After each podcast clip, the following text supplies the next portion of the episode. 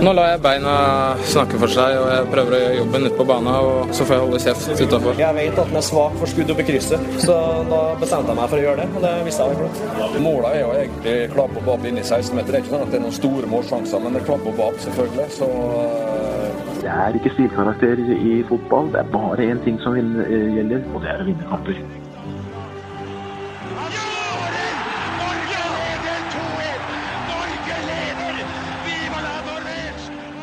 Og der er uh, Toppfotball tilbake igjen, denne gangen med episode 69. En uh, svært viktig episode i Toppfotballs historie. Uh, får vi satse på at det blir. Med meg i studio har jeg en mann som ikke har valgt å holde kjeft etter at han gjorde jobben ferdig på banen. Joakim Bortsen, velkommen. Tusen takk for det. Eh, har du eh, Det stemmer jo det. Eh, Du har ikke som Markus Pedersen sier i introen her, at du har jo valgt å prate mye mer og gjøre mye mer ut av det etter karrieren din, på mange måter. Ja, det kan du si. Jeg lagde vel ikke så mye oppstyr mens jeg spilte, men jeg vil jo si at jeg har vært relativt uh, beskjeden, eller iallfall oppført meg relativt bra etter karrieren òg. Ja, men du skriver jo litt og, og mener litt i dette studioet Ja, men det er jo veldig hyggelig, da, å få lov til å, å mene litt her. Jeg eh, prøver jo å holde meg eh, objektiv eh, når jeg skriver. Ja. Men hvordan, hvordan var du som spiller, da? Var du, var du en uh, råtass, liksom? Var du en som meldte mye? Jeg vil tro at de fleste som, som treffer meg, vil si jeg er en nokså rolig fyr som ikke gjør så veldig mye ut av meg, Men så er de som kjenner meg godt, vet at at uh, det er ikke alltid tilfellet. Og på banen så var det vel litt sånn at eh, Der var det vel eh, mulighet for å få utløp for det som var følelser. Så fikk jeg et rødt kort på, for munnbruk, blant annet. eh, Eller gjerne jeg har fått to, faktisk, for det. Så det ble engasjert, kan man si. Ja. Og med, med oss har vi selvfølgelig også eh, en råtass i dette studio.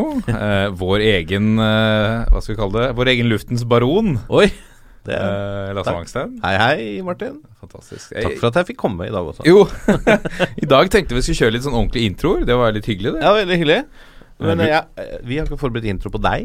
Nei, ta den på sparket. det det her kunne du tipsa oss om i forkant. Ja, er det Ja, og i programlederstolen i dag så har vi Hortens store sønnesønn. uh, mannen i dag i brun genser for anledningen. Martin Sjøblom Roppestad. Mange takk. Velkommen. Tusen takk. Var det greit? Um, Jeg syns det var fint. Ja. Eh, det var hyggelig å bli eh, satt pris på. Det er det alltid. Å bli sett som menneske. Vi setter jo alltid pris på deg, Martin. Det vet du. Mange takk. Tusen takk. Ja, går det bra med dere?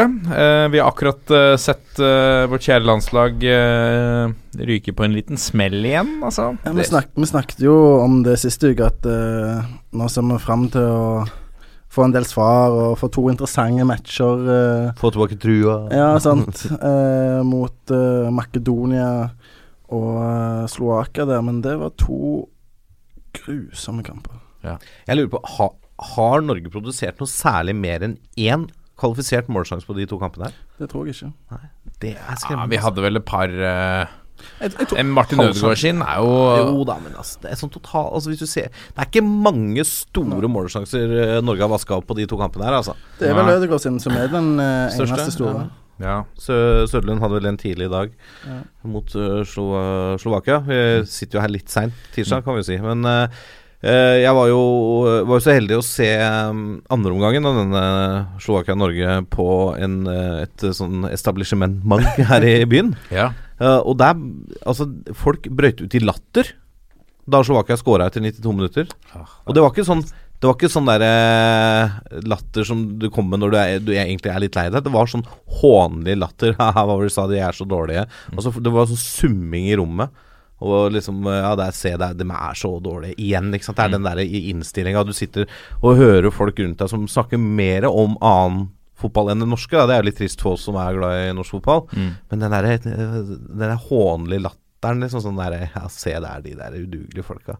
Og det er, det er leit, altså. Ja. Jeg prøver i det lengste å legge godviljen til, um, og, og la de få sjansen til å, å få den defensive tryggheten som Lagerbäck er ute etter, og, og gi spillerne på en måte tid til å, til å få ting til å fungere. Men jeg merker spesielt eh, utover i denne her uh, Slovakia-kampen at jeg begynner å bli sånn sint. eh, For du blir sånn lei og oppgitt over at det, det fortsatt ikke er noen framgang. Nei. Vi Vi, vi, skal, ja, ja. vi skal snakke mer om det. Jeg vet at dere sitter inne med mye følelser og, og, og meninger her Ja, nå. vi, sk- skal vi snakke om landslaget litt senere i dag? Ja, vi skal, vi skal det. det er satt av en egen sekvens her i denne sendingen. Ja, I tiden vi skal eh, tilbringe i manus. her. Ja, er I det. manuset. Eh, vi skal også Vi har fått litt e-poster som vi skal eh, gå gjennom fra, eh, fra Marius og Alexander og Christian og ja. ja, Der er det Og Robert. Der er det litt forskjellige ting vi kan ta tak i. Spennende ting. Som sagt skal vi gå gjennom landskampene. Uh, vie litt tid til det. Um, før vi ser litt på eh, de to uh, spennende kvalikoppgjørene vi har uh, foran oss. eh, Notodden, Fredrikstad og Mjøndalen-Ranheim. Så skal vi innom en liten tur innom Finnsnes. En liten sjarmerende tur innom Finnsnes. Eh, og et par saker til i pulsen. eh, før vi selvfølgelig skal se nærmere på neste eliteserierunde. Er ikke det eh, ok for i dag, da? Det høres brukbart ut, det. Ja, det er. Dette er toppfotball. Eh, nå har jeg utfordra Vangstein her på å lage en eh, e-postkasse-jingle. Toppfotball Er vi- 451.no. Vi er kanskje ikke et sånt program som gjør sånne ting på sparket? Eller? Lager vi jingle på sparket? Jeg tror kanskje ikke at vi, vi gjør det. Oi! E-postkassa! Velkommen til e-postkassa! Joakim Bårdsen, velkommen til e-postkassa. Ja, takk for det. Dette blir spennende. Vi begynner med en e-post fra Marius uh, Seldal, uh, som uh, jamrer litt i vår e-postkasse, som er toppfotball at 451.no. Der har du fått mail akkurat nå. Men hvorfor, Den lyden du hørte. Å, fantastisk. hvorfor 4-5-1 egentlig? Er det den formasjonen vi mener folk bør spille, eller? Det uh, er uh, det beste domenet jeg fant som er ledig. Ok, ikke, okay så prøvde du 4-4-2, eller? Jeg prøvde 3-4-1-2. Okay. uh, 4312. Ja, nei, dette var det Altså, det er jo noe historisk og svung over 4-5-1 for vår del. Husker dere Jeg må bare, før vi går til Marius Husker dere aprilspøken til NRK for noen år tilbake? Nei. Apropos 451. Da var det For de skulle jo kalle fotballsendingen sin for 4-4-2. Ja. Da var aprilspøken at Drillo nekta å jobbe som ekspert lenger pga. at det ikke heter 451. Det er en fin, eh, god spørsmål. Jeg likte den. Det er faktisk en av de bedre første aprilspøkene jeg har hørt. Ja. Ja, Ja. er Troverdig. ja Vålerenga hadde i fjor at de skulle hente Niklas Bentner. Det gjorde Rosenborg året etterpå. No joke. No joke. Marius Eldal eh, jamrer litt eh, i e-postkassa og sier at da var nok en manager, trener, sparket hos Viking. Svært eh, frustrerende for han, som er iuga Viking-supporter. Eh, det gir mening for han at ikke dette kunne fortsette, men han, men han mener at det kunne utsette til sesongen var ferdig. Eh, han spør om vi kan forklare litt hvordan vi ser på dette, og hvordan dette ser ut fra utsiden. Du kjenner jo mange i klubben, Joakim. Hva tenker du om, om dette, og tidspunktet for sparkingen av Børsen? Så kan jo referere det som eh, klubbdirektør Erik Henningsen har sagt, eh, i hvert fall. Og det var at de hadde foretatt en evaluering eh, der de kom fram til at uh, Birchnell ikke lenger hadde tillit. Og den evalueringen hadde de gjort eh, eh, forrige uke, og dermed så er det ingen grunn til å vente med å gi ham sparken. Men det virker jo veldig sånn derre eh, deilig tilfeldig at de sparker Birdsall også to dager før sponsorturen. da Som eh, Det var jo da de også lanserte at uh, Jonevre var ferdig i fjor. Det var rett før sponsorturen. Det, det virker som de egentlig eh, det er litt deiligere å møte sponsorene da. Og, ja, men vi tar ansvar, vi gjør det som kreves. Se på oss, vi er handlekraftige. Istedenfor å få masse spørsmål om ja, skal dere sparke Birchnall snart og sånne ting. Det, det, det virker nesten litt grann, uh, for godt til å være sant at det er helt tilfeldig at det skjer et, før sponsorturen en gang til. For meg så betyr det egentlig ikke så mye uh, om det skjedde nå, uh, eller om det skjedde om eh, en måneds tid. Eh, det jeg lurer på, det er jo Var det rett å sparke Birchnell? Hvorfor gjorde de det? Um, og det har jo vært veldig mange meninger nå eh, den siste uka, ikke minst blant uh, supportere som eh, På en måte Jeg merker sånn Én ting er resignasjon fra vikingsportere, men en annen ting er liksom Det er så mange som er forbanna nå, og eh, det sprer seg til eh, ledere for eh, lokale klubber i Stavanger som nærmest oppfordrer til boikott eh, av Viking. Eh, de forteller iallfall at eh, de ikke bryr seg så mye lenger og, og oppfordrer å støtte de lokale lag. Og istedenfor, når det har kommet så langt, da, så begynner det å bli veldig skummelt eh, for Viking som klubb. Jeg er helt enig, men, men for meg som er veldig på utsida, så, så føler jeg liksom at eh, Ian Birchnell er den eneste i den vikingorganisasjonen eh, som har stått med rak rygg i hele år. Han er den eneste som har tatt det her på, på haka uke inn og uke ut. Han har fremstått profesjonell. Det virker som han er godt likt av mange av spillerne. Det virker som han er godt likt av supporterne også. Han er godt likt av pressen. Han, han virker som en solid type. da Så, så hans sjef, da jeg, jeg vil vel tro at Bård Wiggen er hans sjef. Han er jo han er missing in action. Han har ikke vært uh, på banen én gang. Og Birchnell har fått Altså han har fått i fanget uh, noen forutsetninger for å lykkes med dette vikinglaget, som er Altså, han starta jo med tolv i handikap med en gang, liksom. Ja, jeg satt jo på jobb i VG på torsdag morgen da denne nyheten kom eh, klokka ni. Um, og da prata jeg med Birchnell, og så fikk jeg eh, avtalt eh, et møte med han i Stavanger eh, senere samme dag. Så da satte jeg meg på flyet og dro bort, og så åpna han døra i uh, tre-halv fire-tida, eller hva tid det var. Og da satt jeg ned og prata litt med han. Da hadde han allerede gjennomført mange telefonintervjuer eh, eh, og noen eh, for kamera tidligere, men han virket ikke som han var en eh, knekt mann, for å si det sånn. Han sto rakrygga, sånn som du sier, Lasse, og forklarte sin eh, si side av saken. Og han eh, la jo ingenting imellom eh, med tanke på Bård Wiggen eh, eh, sine kvaliteter, eller måten han hadde opptrådt på denne sesongen. Og den kritikken var jo rimelig sterk. Eh, Børselen starter jo med å si at eh, forutsetningene ble jo veldig eh, dramatisk eh, svekka i januar, da han og assistenttrener Bjartlind Aasheim fikk beskjed om at eh, det var ikke midler til å signere noen spillere i det vinduet. Eh, allerede da skjønte han at dette her eh, blir eh, beinhardt med tanke på å holde denne klubben levende i divisjonen. Og utover i sesongen så følte han seg ensom. Han følte at det ikke var noe støtte fra klubben eh, utad. Fordi at han sto og svarte på spørsmål etter spørsmål etter spørsmål om eh, hva som var galt i klubben, hvorfor laget tapte kamper, eh, hva skulle de gjøre for å snu det. Samtidig følte han at han ikke fikk støtten fra klubben, der noen gikk ut og sa at eh, eh, er en eh, kanontrener som jeg har stor tro på. Selvfølgelig så har det vært ledere ute og uttalt at de har tillit til eh, gjentatte ganger i løpet av sesongen, men han savna noen som sto der med han, da. Mm. som, som svarte på kritikken, eh, og han følte at folk hadde eh, som han sa, ordrett beskytte eh, sin rygg da, oppi eh, denne katastrofesesongen som det har vært for Viking.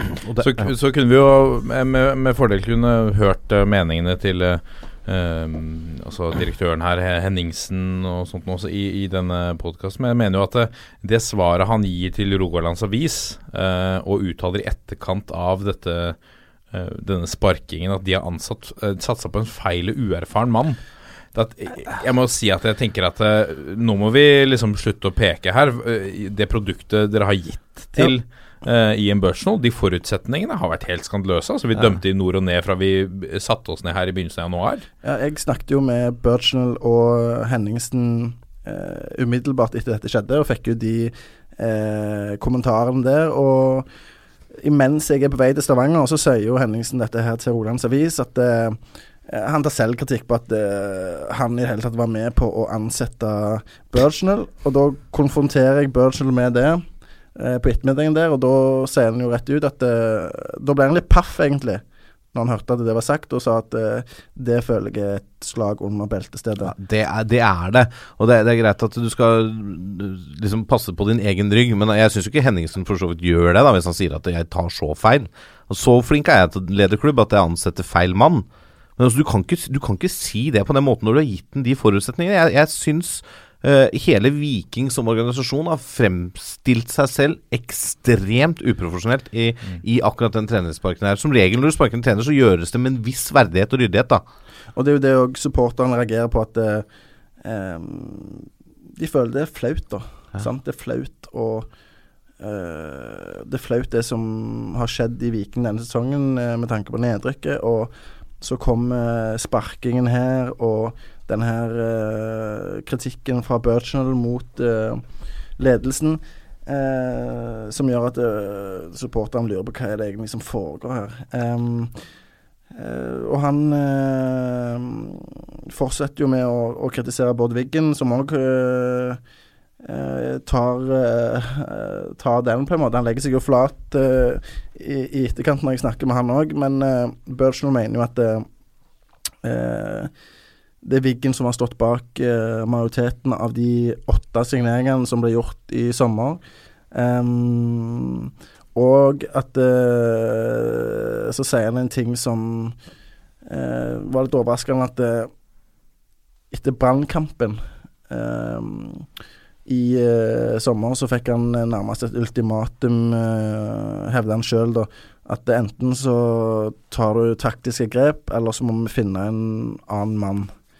Um, og det mener han var en type panikk fra klubbledelsen som førte til Eller som bidro til nedrykket, og han angra, sa han til meg, på at eh, eh, han ikke hadde stått imot eh, dette presset, da, fordi at han eh, følte sjøl at disse taktiske endringene Han la jo bl.a. om til fem bak en periode, og han følte at dette her eh, eh, gjorde laget dårligere etter en periode der det hadde gått eh, fire kamper eh, på rad uten tap. Ja, før den brannkampen. Mm. Men, og det er jo ikke sånn det skal være i en klubb. Altså, du skal diskutere med treneren. Er det noen grep vi kan gjøre taktisk for å hindre at vi slipper inn så mye mål? Du skal ikke tre over huet på en trener at nå skal du spille 5-4-1, du. Mm. Selv om det er en taktikk du aldri har praktisert, selv om det er en taktikk du aldri kjenner til, men det vil vi at du gjør. Det, det, og det, da, det må han ta selvkritikk på Burson, at han gjorde det, men, men det er ikke sånn det skal funke i en fotballklubb. Dette skal man diskutere seg fram til. Det som er mest overraskende i denne saken, syns jeg, det er jo at Viggen eh, Wig- svar på dette her er jo at eh, eh, det har vært eh, uenigheter mellom han og, og Børsen, det innrømmer Viggen. Og så samtidig så sier han at det, det er naturlig i en eh, klubb at det er um, faglige diskusjoner som pågår, og det er jo selvsagt eh, rett, det. Men samtidig så sier han jo dette her med eh, spillerlogistikken, at eh, Viking har ikke kontroll på sin egen spillerlogistikk. Jeg syns det minner om et eksempel på en også Når vi snakker om at uh, styre og stell blander seg inn og sier at han må ta taktiske grep, hvis det er det som er tilfellet. En mann som Eirik Henningsen googler Det, det er ikke han som har gjort det. Nei, ok, det er ikke han som har gjort det. Jeg skjønner. Jeg bare legger merke til Vi har snakket tidligere om å ha fotballfolk i styrer og en miks av litt økonomi og, og fotballfolk i styrer. Jeg, jeg kjenner ikke Erik Henningsen, men jeg, jeg ser at han Uh, jeg ser at han uh, har oppført seg selv som CEO for Viking fotball på, på LinkedIn. Og det, det oser ikke sånn fotballmann av, av dette, altså. Nei, altså Han kjenner jo jeg eh, faktisk uh, ganske godt. Han er fra er Randaberg. Ehm, Intet vondt ord om, om din venn, da. nei, nei, nei, men uh, han er jo en mann som uh, har eh, bakgrunn fra økonomi. Mm. Hans ekspertise ligger i økonomidelen av det å drive en fotballklubb. Og så er det Wiggen som eh, sikkert på samme side som du er inne nå, står som eh, sportsdirektør. Um, så det er jo han som har hatt den dialogen med Birchall, men det er en dialog som Birchall mener har vært nærmest fraværende. Eh, og han eh, eh, føler ikke at han har eh, på en måte hatt den eh, connection med Wiggen som eh, eh, kunne skapt forståelse mellom han og, og styret, blant annet. Nei. Vi, eh, blir spennende å se hvordan eh, Obos-laget Viking eh, kommer til å gjøre neste år. Hva slags profiler profil som kommer inn. Hvem er det som Ja. skal lede Viking ut sesongen? Det blir Bjarte Lund Aasheim som, som tar det ansvaret sammen med keepertrener Kurt Hegre. Men så er jo spørsmålet hvem blir den nye treneren. Um, Det er vel ikke utenkelig at det blir Lund Aasheim, eller? Jo, relativt utenkelig, fordi de vil ha, nå vil ha en erfaren mann Ja. med med en CV som inneholder helst eh, en klubb på toppnivå i Skandinavia, så har de sagt at de skal ta seg råd til å få inn den treneren. Men rammen er jo ikke eh, satt ennå. De vet jo ikke hva eh, Vet ikke hva sponsorene kommer til å si? Nei, de vet ikke hva type økonomi de har å forholde seg til heller, da. Sant? Så eh, her er det veldig mye som må på plass på kort tid. Det, det er ikke lenge til den uh, sesongoppkjøringa i eh, januar eh, begynner. Nei, vi, øh, vi skal selvfølgelig følge med på Viking, selv om de er et øh, Obos-lag. Det blir jo ikke vi- viet like mye oppmerksomhet, men, men vi, jeg, jeg tror- tror at for Obos-ligaen også, så er det bra å få et lag som Viking dit. Ja, vi, vi har jo via en del tid til FFK her. Ja, ikke sant? Det er jo en Altså det er jo en stor klubb i norsk målestokk fra en uh, stor by. Eh, så klart at Viking kommer til å ha betydning for norsk fotball også fremover, selv om de rykker ned eh, et nivå nå. Ja. Så jeg håper de klarer å stable ting på beina der borte. Ja, fordi det er så mye som eh, Som må på plass, da. Sant? Så det jeg er mest spent på nå, det er hva skjer med den klubben eh, eh, med tanke på ledelse og, og styre nå framover. eh, fordi de har en gjeld på nærmere 80 millioner kroner som de prøver å bli kvitt igjen. 80? Nærmere 80, ja. Som de, prøver, som de prøver å bli kvitt gjennom et uh, stadionsalg til kommunen. Ja. Men så nå har det begynt å kommunen, enkelte i kommunen har begynt å stille slipp på bakbeina der. De trodde de skulle få gjennomført det uh, allerede, men det har ikke skjedd. Mm. Og nå begynner neste sesong å nærme seg, så nå er det liksom sånn Hva skjer? Så akkurat nå så står ting og vipper veldig, da, er, er følelsen i Stavanger. Ja. Uh, vi går videre til neste e-post fra Alexander Johansen, som øhm, peker på at det, det har vært mange gode Først så uh, syns han det er gøy å høre på podkasten. Det Ja, det må vi ta med oss. Um, takk for det, Alexander. Eh, han øh, skulle gjerne ønske seg at vi i eh, typisk sånn offseason uh, temavis episoder kunne snakke litt om eh, noen norske fotballfamilier som har vært opp gjennom årene. Vi har jo snakket eh, i en episode om Flo-familien. Mm. Tatt for oss hele rekka. Ehm, og han nevner i eksempler uh, også Flo-familien. Selvfølgelig Riise-familien. Uh, John Anders Riise også, i, den, i forlengelsen av uh, Bjørn Helge og Jon Arne. Um, Reginussen-familien. eh, tre av brødrene som alle har vært eh, gode eh, denne sesongen. Ja, det er Eh, litt tripp-trapp tresko i Reginussen, da. ja, det er det. Tore i Rosenborg, Mats Ranheim og Christian i Alta. Ja. Så det er jo Det er litt interessant, det òg. herrer på hvert sitt nivå. Så lurer han svært på om det er noen, eh, er noen Kanskje det er noen relasjoner med far-sønn, og det mener jeg har lest. eh, Vi har vel den åpenbare eh, Odd og Steffen Ja. Iversen. den, Ja, eh, men, eh, men litt mer sånn Gjøran, Ja. Gjøran Alexander Sørloth. ja. Ja, for eksempel. Ja, men, ikke sant. Men eh, kanskje tidenes beste norske fotballfamilie Mm. I sterk konkurranse med Flo, Mm. det er jo Berg-familien. ja. Ja, det er Harald Dytteberg, som uh, i enkelte kåringer har, eh, har kommet ut som tidenes beste norske fotballspiller. Mm. Uh, var enorm på midtbanen for uh, Bodø-Glimt og Lyn og, og Den Haag i, i Nederland. Og han har fått eh, tre sønner som alle kunne spille fotball. Ørjan Berg, eh, Runa Berg, Arild Berg. Som eh, Ørjan Berg igjen har fått Patrick Berg. Em, og jeg vokste jo opp med å se Rosenborg i Champions League med Ørjan og Runa Berg, der de var så sinnssykt gode. Men Spilte de noen gang sammen?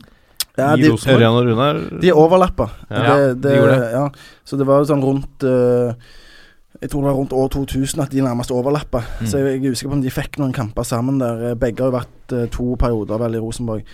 Um, men uh, det er vel den familien der som uh, som konkurrerer sterkest med, med Flo om å, om å være den beste i Norge, som, som jeg ser det, i hvert fall hvis jeg ikke har glemt noen. Men Ørjan Berg Det nivået han var på i Rosenborg der en periode, det var topp, europeisk klasse. Du egentlig tenker på det utrolig at verken Ørjan eller Runar fikk flere landskamper enn de fikk. Ja.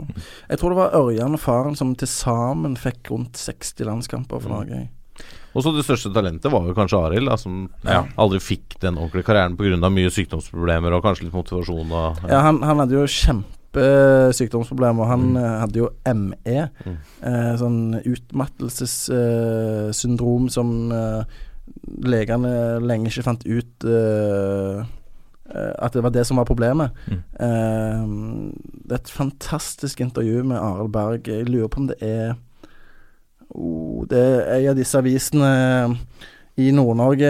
Kommer jeg ikke på hvilken, men bare prøv å søke opp det intervjuet med I Bodø nå, Bodø nå. ok tror jeg ja. kanskje det er. Det er iallfall helt fantastisk. Der forteller han om hvordan han har brukt to millioner kroner på Jeg tror det er 20 ulike behandlinger. Han reiste, ja, han reiste verden rundt for å prøve å bli kvitt dette her i tolv år. Eh, det endte med at eh, en eh, lege i Bodø, tror jeg det var, som eh, hadde hatt ME sjøl, som mente at dette her eh, var relatert til stress. Eh, stress over å være fotballspiller. Mm.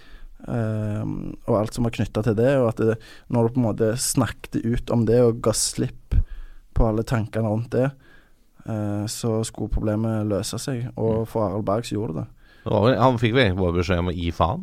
Ja, han måtte bare kutte ut fotball. Mm. Og så Ja, og så, så slapp det tak, da.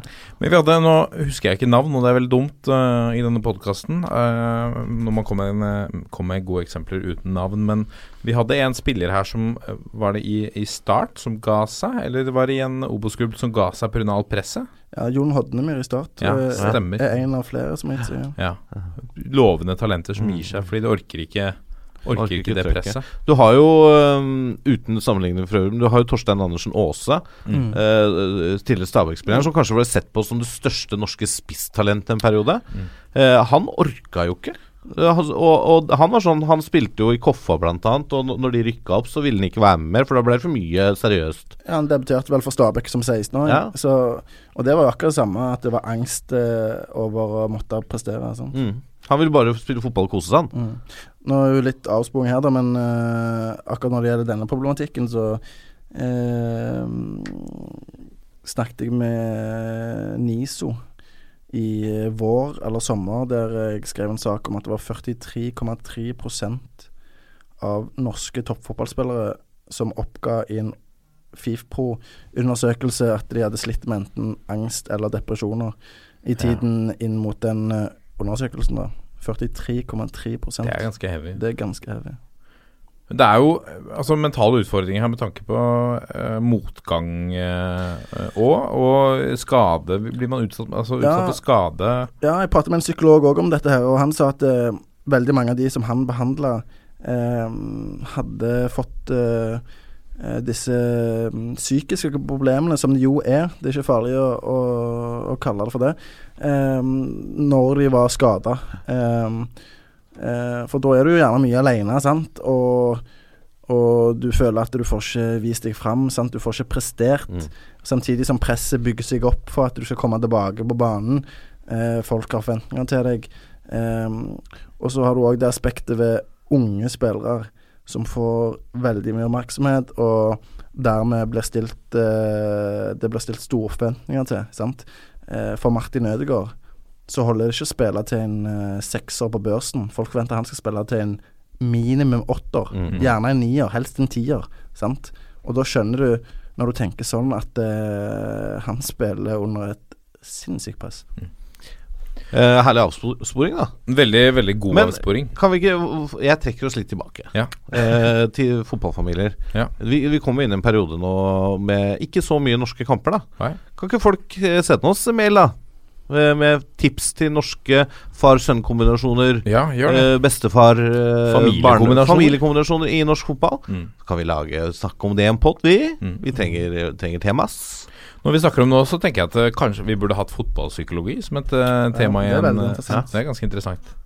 Uh, nei, Det var en veldig fin avsporing. Vi går videre til Kristian Lunde, som uh, først vil takke for en uh, veldig bra podkast. det er veldig hyggelig. Og viser til at vi ønsket oss spørsmål, og da har han noen her. Han lurer på hva tenker vi om publikum publikumsoppmøte i Eliteserien i år? Hva skal til for å øke dette tallet i eh, Han viste til at for ti år siden så var uh, gjennomsnittsantallet med tilskuere på hver kamp 10.519. Eh, så langt i 2017 har det vært 6700. Har dere noen eh, tanker på hvorfor eh, dette skjer? Det er jo Altså, dette er en eh, Hva skal jeg kalle det eh, Så klarer du å knekke den koden her, Mm. da tror jeg du får en godt betalt jobb i norsk toppfotball eller i NFF. Ja. Eh, eller i en eller annen klubb, for å si sånn. Hvis du klarer å knekke koden hvordan skal Vålerenga fylle stadion i hver kamp, hvordan skal Lillesund fylle Åråsen mer enn 47% i hver kamp altså, Klarer du å knekke den koden, da gjør du det godt. Det er ganske komplekst, tror jeg, hvorfor det er sånn. Midten av 2000-tallet, det var liksom i bakevja etter Rosenborg-dominansen, og når de var flaggskipet ute i Europa og sånne ting, så begynte de å melde seg på andre klubber som tok seriegullet en og annen gang. Du hadde Vålerenga, Stabæk, Brann, som alle tok seriegullet og, og utfordra Rosenborg. Det var massiv interesse med TV 2, som satsa knallhardt på norsk fotball i alle kanaler. Uh, jeg ser han her påpeker at uh, han er Vålerenga-supporter, og liksom Vålerenga har spilt fem mandagskamper og sånne ting. Men eh, TV, det er mye penger i TV, det må vi bare leve med. Sånn er det. det. Det kommer til å bli mandagskamper, og så får vi heller følge med. Vi har nok av datamaskiner på oss hver dag, så vi kan finne ut når det er kamp. Men det var så mye interesse eh, som TV 2 også bidra til eh, da, som gjorde at det, de hausa opp produktet. Sånn at folk ble interessert og dro på kamp. Og dette kommer til å gå i bølgedaler. Sånn er det. Eh, og så er det selvfølgelig sånn som i år, da. Det er ikke, vi har ikke alle stadioner som tar så mye folk. Altså Kristiansund, Sandefjord, eh, Sarpsborg. Det er jo ikke stadioner som tar 10 000-12 000 hver gang, det heller. Eh, så det må med i beregninga, det òg, da. Eh, men det er vanskelig, altså. Ja, og ikke minst har det ekstremt stor betydning for økonomien til klubbene. Eh, skal ikke jeg snakke altfor mye om Viking hele tida, men eh, jeg kan ta de som et eksempel. I 2007 så hadde de 15 800 tilskuere i snitt I snitt? per hjemmematch. Det er, Det er helt nesten full Det, Vikingstadion. det, var jo da de, det var jo da de snakket om at de gjerne måtte eh, bygge på denne stadion, sant? for han tok 16 000. Eh, så det var helt sykt. Og da tjente de, hvis ikke jeg bommer, rundt 28 millioner kroner per sesong I i publikumsinntekter. publikumsinntekter. Sant? Mm. Og nå, i 2017, så har de foreløpig snitt på rundt 7400. Sant? Og dermed har inntektene, etter det jeg har fått opplyst, gått ned med ca. 20 millioner kroner. Ja. Og da begynner du å skjønne at det, eh, det har stor betydning for klubben. Sant? Eh, når et budsjett eh, neste sesong vil ligge på gjerne 6-47 millioner kroner. Sant? Så, og du kunne lagt 20 millioner til oppå der, så skjønner du at eh, det Og så er det jo sånn Ja, det klart, ja. du, du må fylle stadion til en viss grad før du begynner å tjene penger på de tilskuerne som er inne. Mm. For det koster med strøm, og det koster med å ha folk på jobb og alt sånne ting. Så du må liksom opp på et nivå før du begynner å tjene penger. Det er derfor det blir liksom, selv om de bare halverer publikumssnittet, så taper de 20 millioner da, av 28. Samme ser du i Ålesund. De hadde jo fullt stadion nesten hver helg eh, på Color Line i starten der. Og det, det snittet også har jo sunket de siste årene. Det er vel egentlig bare Rosenborg som holder et jevnt, eller øker litt grann i Ja, jeg har sett litt på det. Det er vel fire klubber som denne sesongen har hatt en viss økning Mm. i snitt. Så er det enkelte som ligger rundt det samme, mens resten har nedgang. Eh, som overhodet ikke er positivt. Det er Rosenborg, Vålerenga, Sogndal og Stabæk som har hatt en liten økning. Mm, mm. Ehm, og det er veldig bra av de. Eh, grunnen til det er jo sammensatt, eh, selvfølgelig, men sportslig suksess vil uansett alltid være viktig, og store profiler, sant. Nettopp. Og eh, eh, med de pengene som var i Eliteserien på midten av 2000-tallet, så var det store profiler som ble henta til ligaen. Enten unge talenter som det er ikke mulighet til til å bringe til Norge nå, eller utlendinger som var etablerte, som eh, fikk gode lønninger i Norge nå.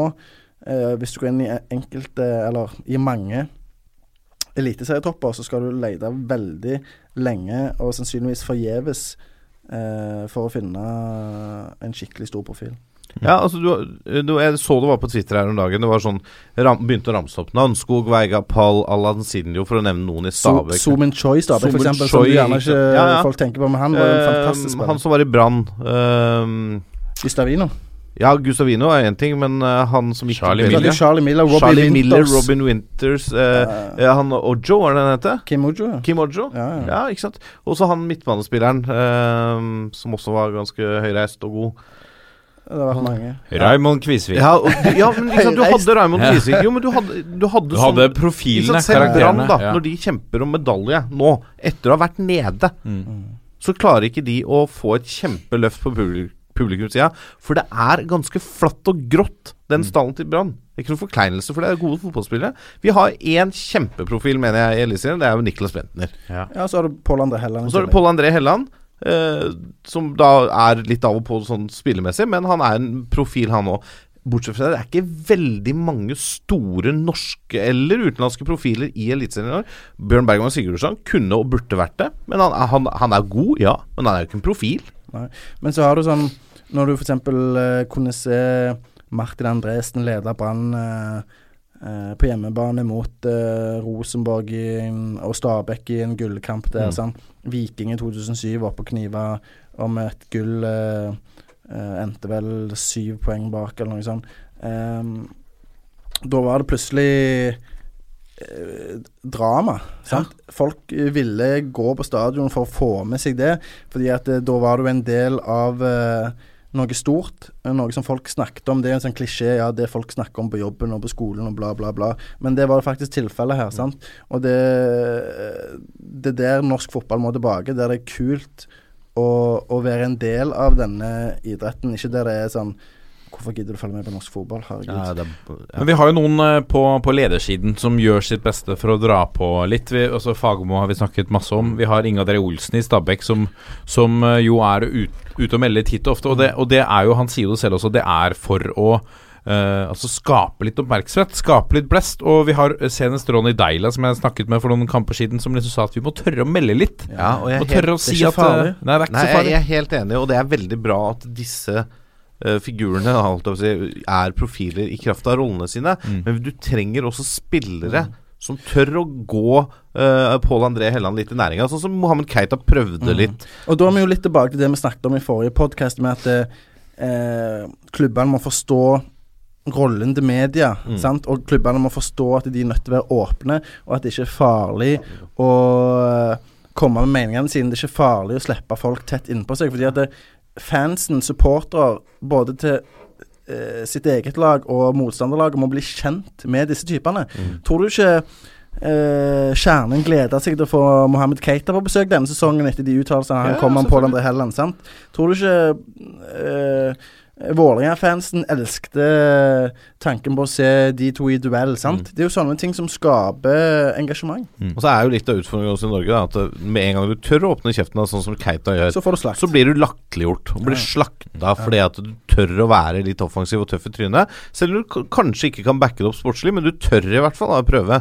Og det må vi ta imot med åpne armer Ja, men, det er i litt Norge. av, men det er litt av gamet, syns jeg. da Jo, jo, At men- Når du slenger med leppa, så får du tilbake igjen også. Og, og sånn skal det være. Det er jo ikke da, noe sånn ja, det er greit å få tilbake, men det trenger ikke å være sånn der at eh, han er uintelligent Det- uintelligent og han er det- idiot, liksom. Men det aller verste som kan skje, da, det er jo at hvis f.eks. Uh, klubben eh, gjennom f.eks. treneren eller eh, sportssjef, daglig leder, Mm. hvem det nå enn skulle være, går ut og tar avstand fra det som er blitt sagt og sånne ting, da er det fullstendig god natt. eh. nå ble ikke det gjort i Kate sitt tilfelle, heldigvis, og det er bra Vålerenga. Eh, men det skulle bare mangle òg, mener jeg. Men vi må dyrke disse typene her, Mm. og så er det klubbene på en måte som må løfte dem fram, da, føler jeg. eh, For media eh, står jo bare og venter på disse her, og, og prøver jo eh, sitt beste hele tida på å få fram disse folka. Og jeg hyller Mjøndalen for at de turte å kjøre alle gutta. Ja. Jeg hyller. Vålerenga hockey for iskrigerne. Men, Ja. ja, men Mjøndalen er jo sånn typisk lag som har fått masse hets i sosiale medier. Sånn Mats Hansen, Christian Gauseth, eh, Mm. eh, typer som eh, byr på seg sjøl til de grader. Sant? De er jo sånn eh, Jeg vet ikke hvor mye hets de får nå, men iallfall i begynnelsen så tipper jeg det var en del med hva pokker dere tror dere er, liksom. Sant? Eh, men herregud. eh, eh, hvem hadde visst hvem Mjøndalen var i Fotball-Norge, holdt jeg på å si, for å sette det veldig på spissen, da. Hvis det ikke hadde vært for måten eh, de gutta her og Vegard Hansen og Kenneth Carlsen framsto på. Mm. Det er det profilene som er altså, Ja, så det som genererer det inntekter i tillegg da for sponsorene. De blir attraktive i lokalsamfunnet og, og får denne serien på TV2. Hadde de fått den serien på TV2 hvis de hadde eh, nekta å, å si noe som helst? Nei, da? de hadde ikke det. Vi, Vi skal vi rett og slett sende ut en liten anbefaling. Ta en eh, studietur til Nedre Eiker og Isaksen stadion, og lær litt av hva Ja, ja, Mjøndalen har gjort om å bygge åpenbart. profiler. Det er og og ta imot hvis, altså, hvis TV2 da, eller TV3 eller hvem det skal være, ringer i morgen på Åråsen og sier du, vi har lyst til å lage sånn à la alle gutta, bare på Åråsen. Vi skal være med på alt. Alle møter. Vi skal være med når du sparker en spiller. Vi skal være med når du signerer kontrakt. Ja, ja, for her må du gi, må du gi uh... Du kan ikke gi litt tilgang. Nei, nei, du kan ikke være litt gravid, ikke sant. Du må gi alt. Stemmer det. Vi går videre med en, uh, denne sendingens siste e-post, og den er fra Robert Leite, som uh, Hei, Robert. Hei, Robert. Uh, si hei, det er jo ikke Hei. Hei. Han starter e-posten sin med å si at eh, først vil jeg si at i skogen av norske podkaster om fotball, så troner dere i mine øyne klart på toppen. Toppen av denne skogen, da. Se for deg denne skogen av podkaster, så er vi på toppen av skogen. Videre. Han har en klokkeklar kandidat til årets Trøn. ehm, og vil trekke fram Tobias Lauritzen fra Porsche. Ja. Eh, en stor og, og, og sånn sterk eh, spiss som har uh, som har putta litt. Han ble omskolert eh, til spiss av eh, trener eh, ikke ukjent Tommy Svindal Larsen. Uh, i Norges eh, største Porsche. talent i Norges største talent, Som 32-åring. Yes. Kjempetalent.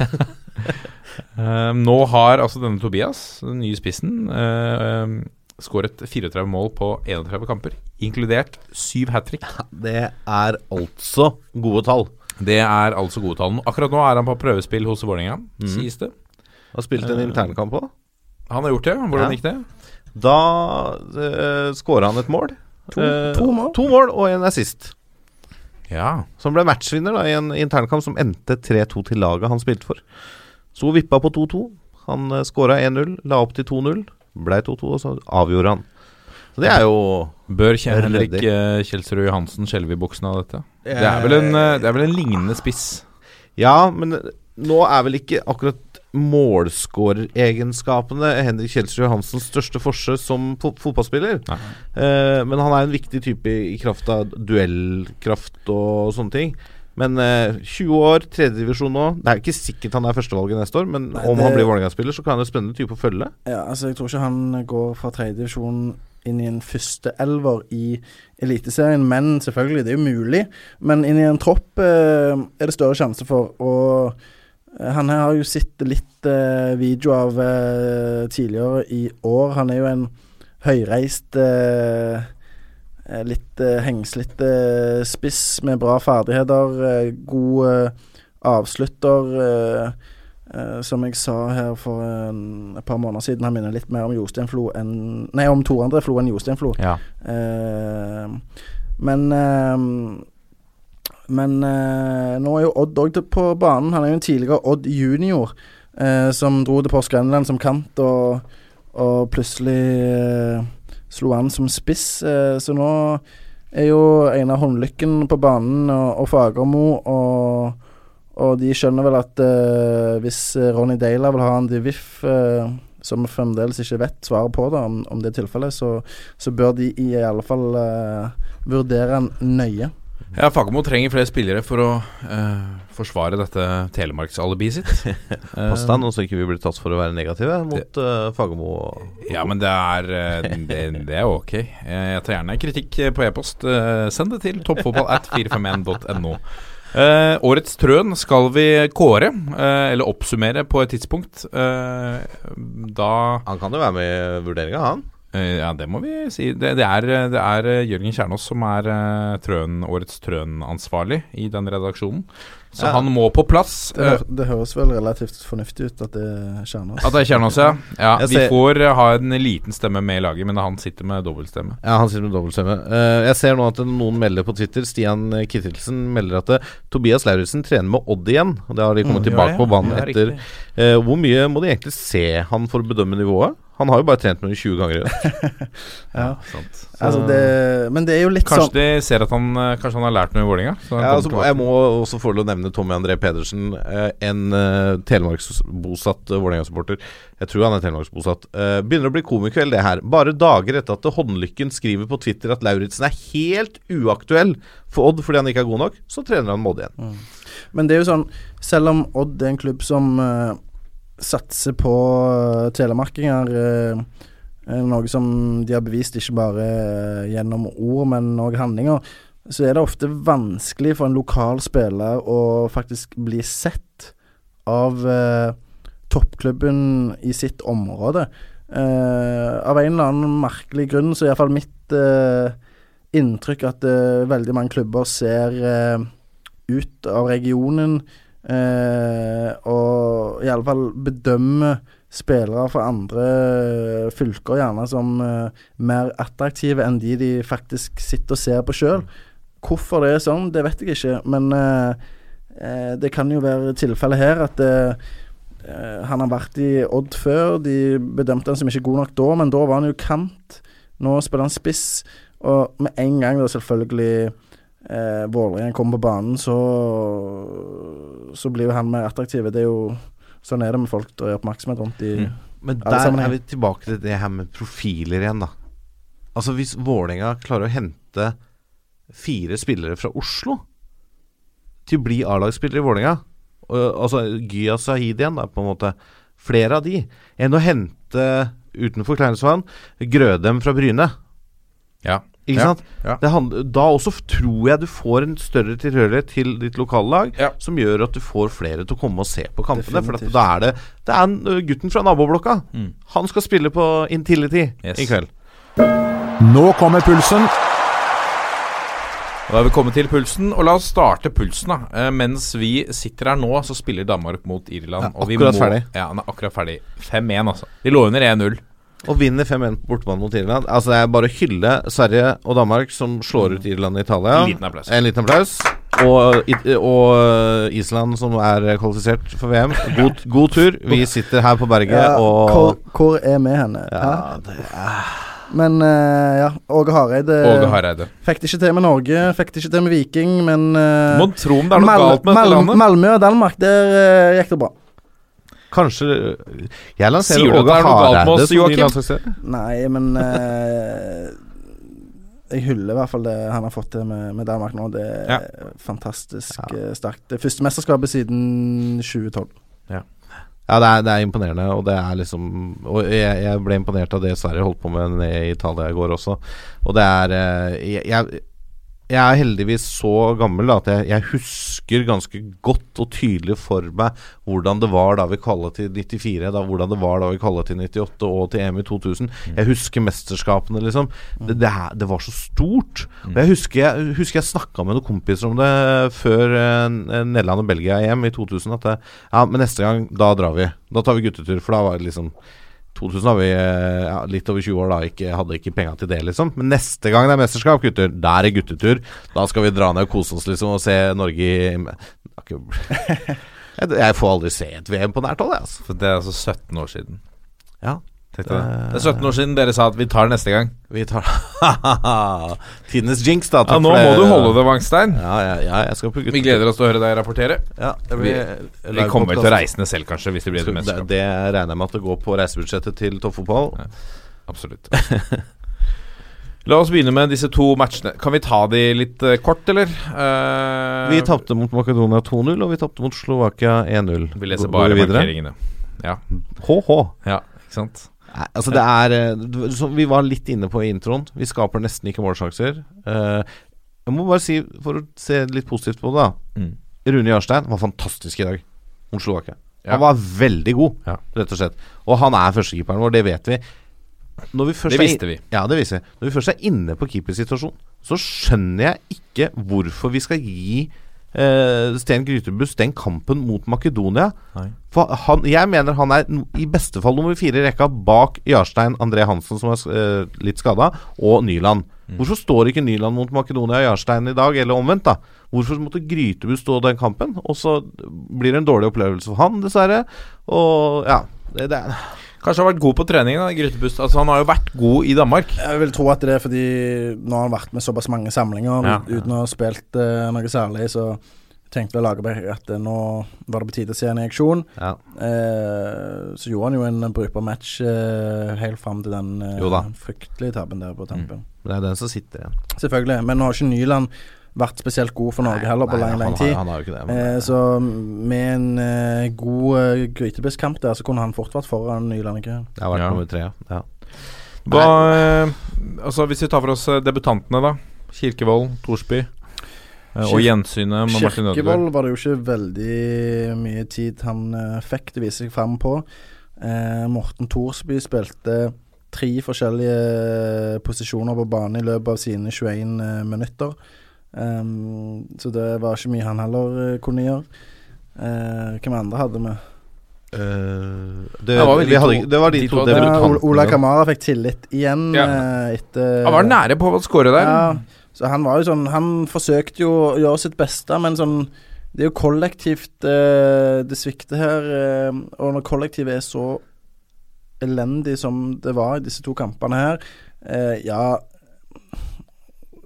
Relativt solide defensivt, kan du si. Slapp ikke til voldsomme sjanser, men likevel. De slipper inn to mål mot Makedonia. Eh, og de slipper inn en skåring etter en elendig involvering av Jørgen Skjelvik eh, mot. Slovakia.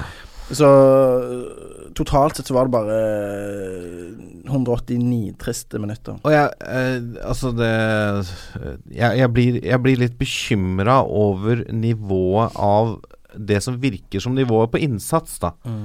Eh, selv om det bare er treningskamper og vennskapskamper og hva, hva du enn må kalle det. Men jeg mener de kampene her er superviktige for fremtida di som landslagsspiller. Og da, jeg går jo, da går jeg på Twitter igjen og siterer Lars Kjernås, faren til vår kjære Jørgen. Han skriver Hvis noen av landslagsspillerne mener det er tungt å motivere seg til landskampene, selv treningskamper, må de gjerne få slippe. For alltid. Hashtag ære. Og det er spot on, altså. Ja, og det er jeg selvfølgelig helt enig i, men jeg tror ikke at det, disse gutta her sliter med å motivere seg til disse kampene. Jeg tror de gjør sitt beste. Det er ikke det er ikke folk med stjernenykker eh, Nei. som har vært med de to kampene her. Um, så hvorfor det ikke fungerer, det er liksom sånn uh, Lagerbäck er en mann som har vært med i gamet hele livet. Sant? Han får det ikke til å fungere heller, liksom. Sant? Det, dette her er veldig sammensatt. Men du ser f.eks. i matchen mot eh, Makedonia. Sant? Jeg føler vi, vi mangler en klar spilleplan. Sant? Ja, vi skal prøve å ha korte avstander mellom lagdelene og, og holde tett eh, bakover, slippe eh, motstanderen til å få sjanser, samtidig som vi skal eh, komme til innlegg, noe som vi aldri gjorde eh, så å si i noen av kampene. Eh, liksom, og da blir det bare sånn Markus Henriksen og Ole Selnes sentralt fungerer ikke i hele tatt. Det ser ut som de eh, springer hver for seg. Sant? Du har ikke noe eh, og, og da kommer jo Sander Berge, selvfølgelig. Savnet av han ble jo veldig tydelig.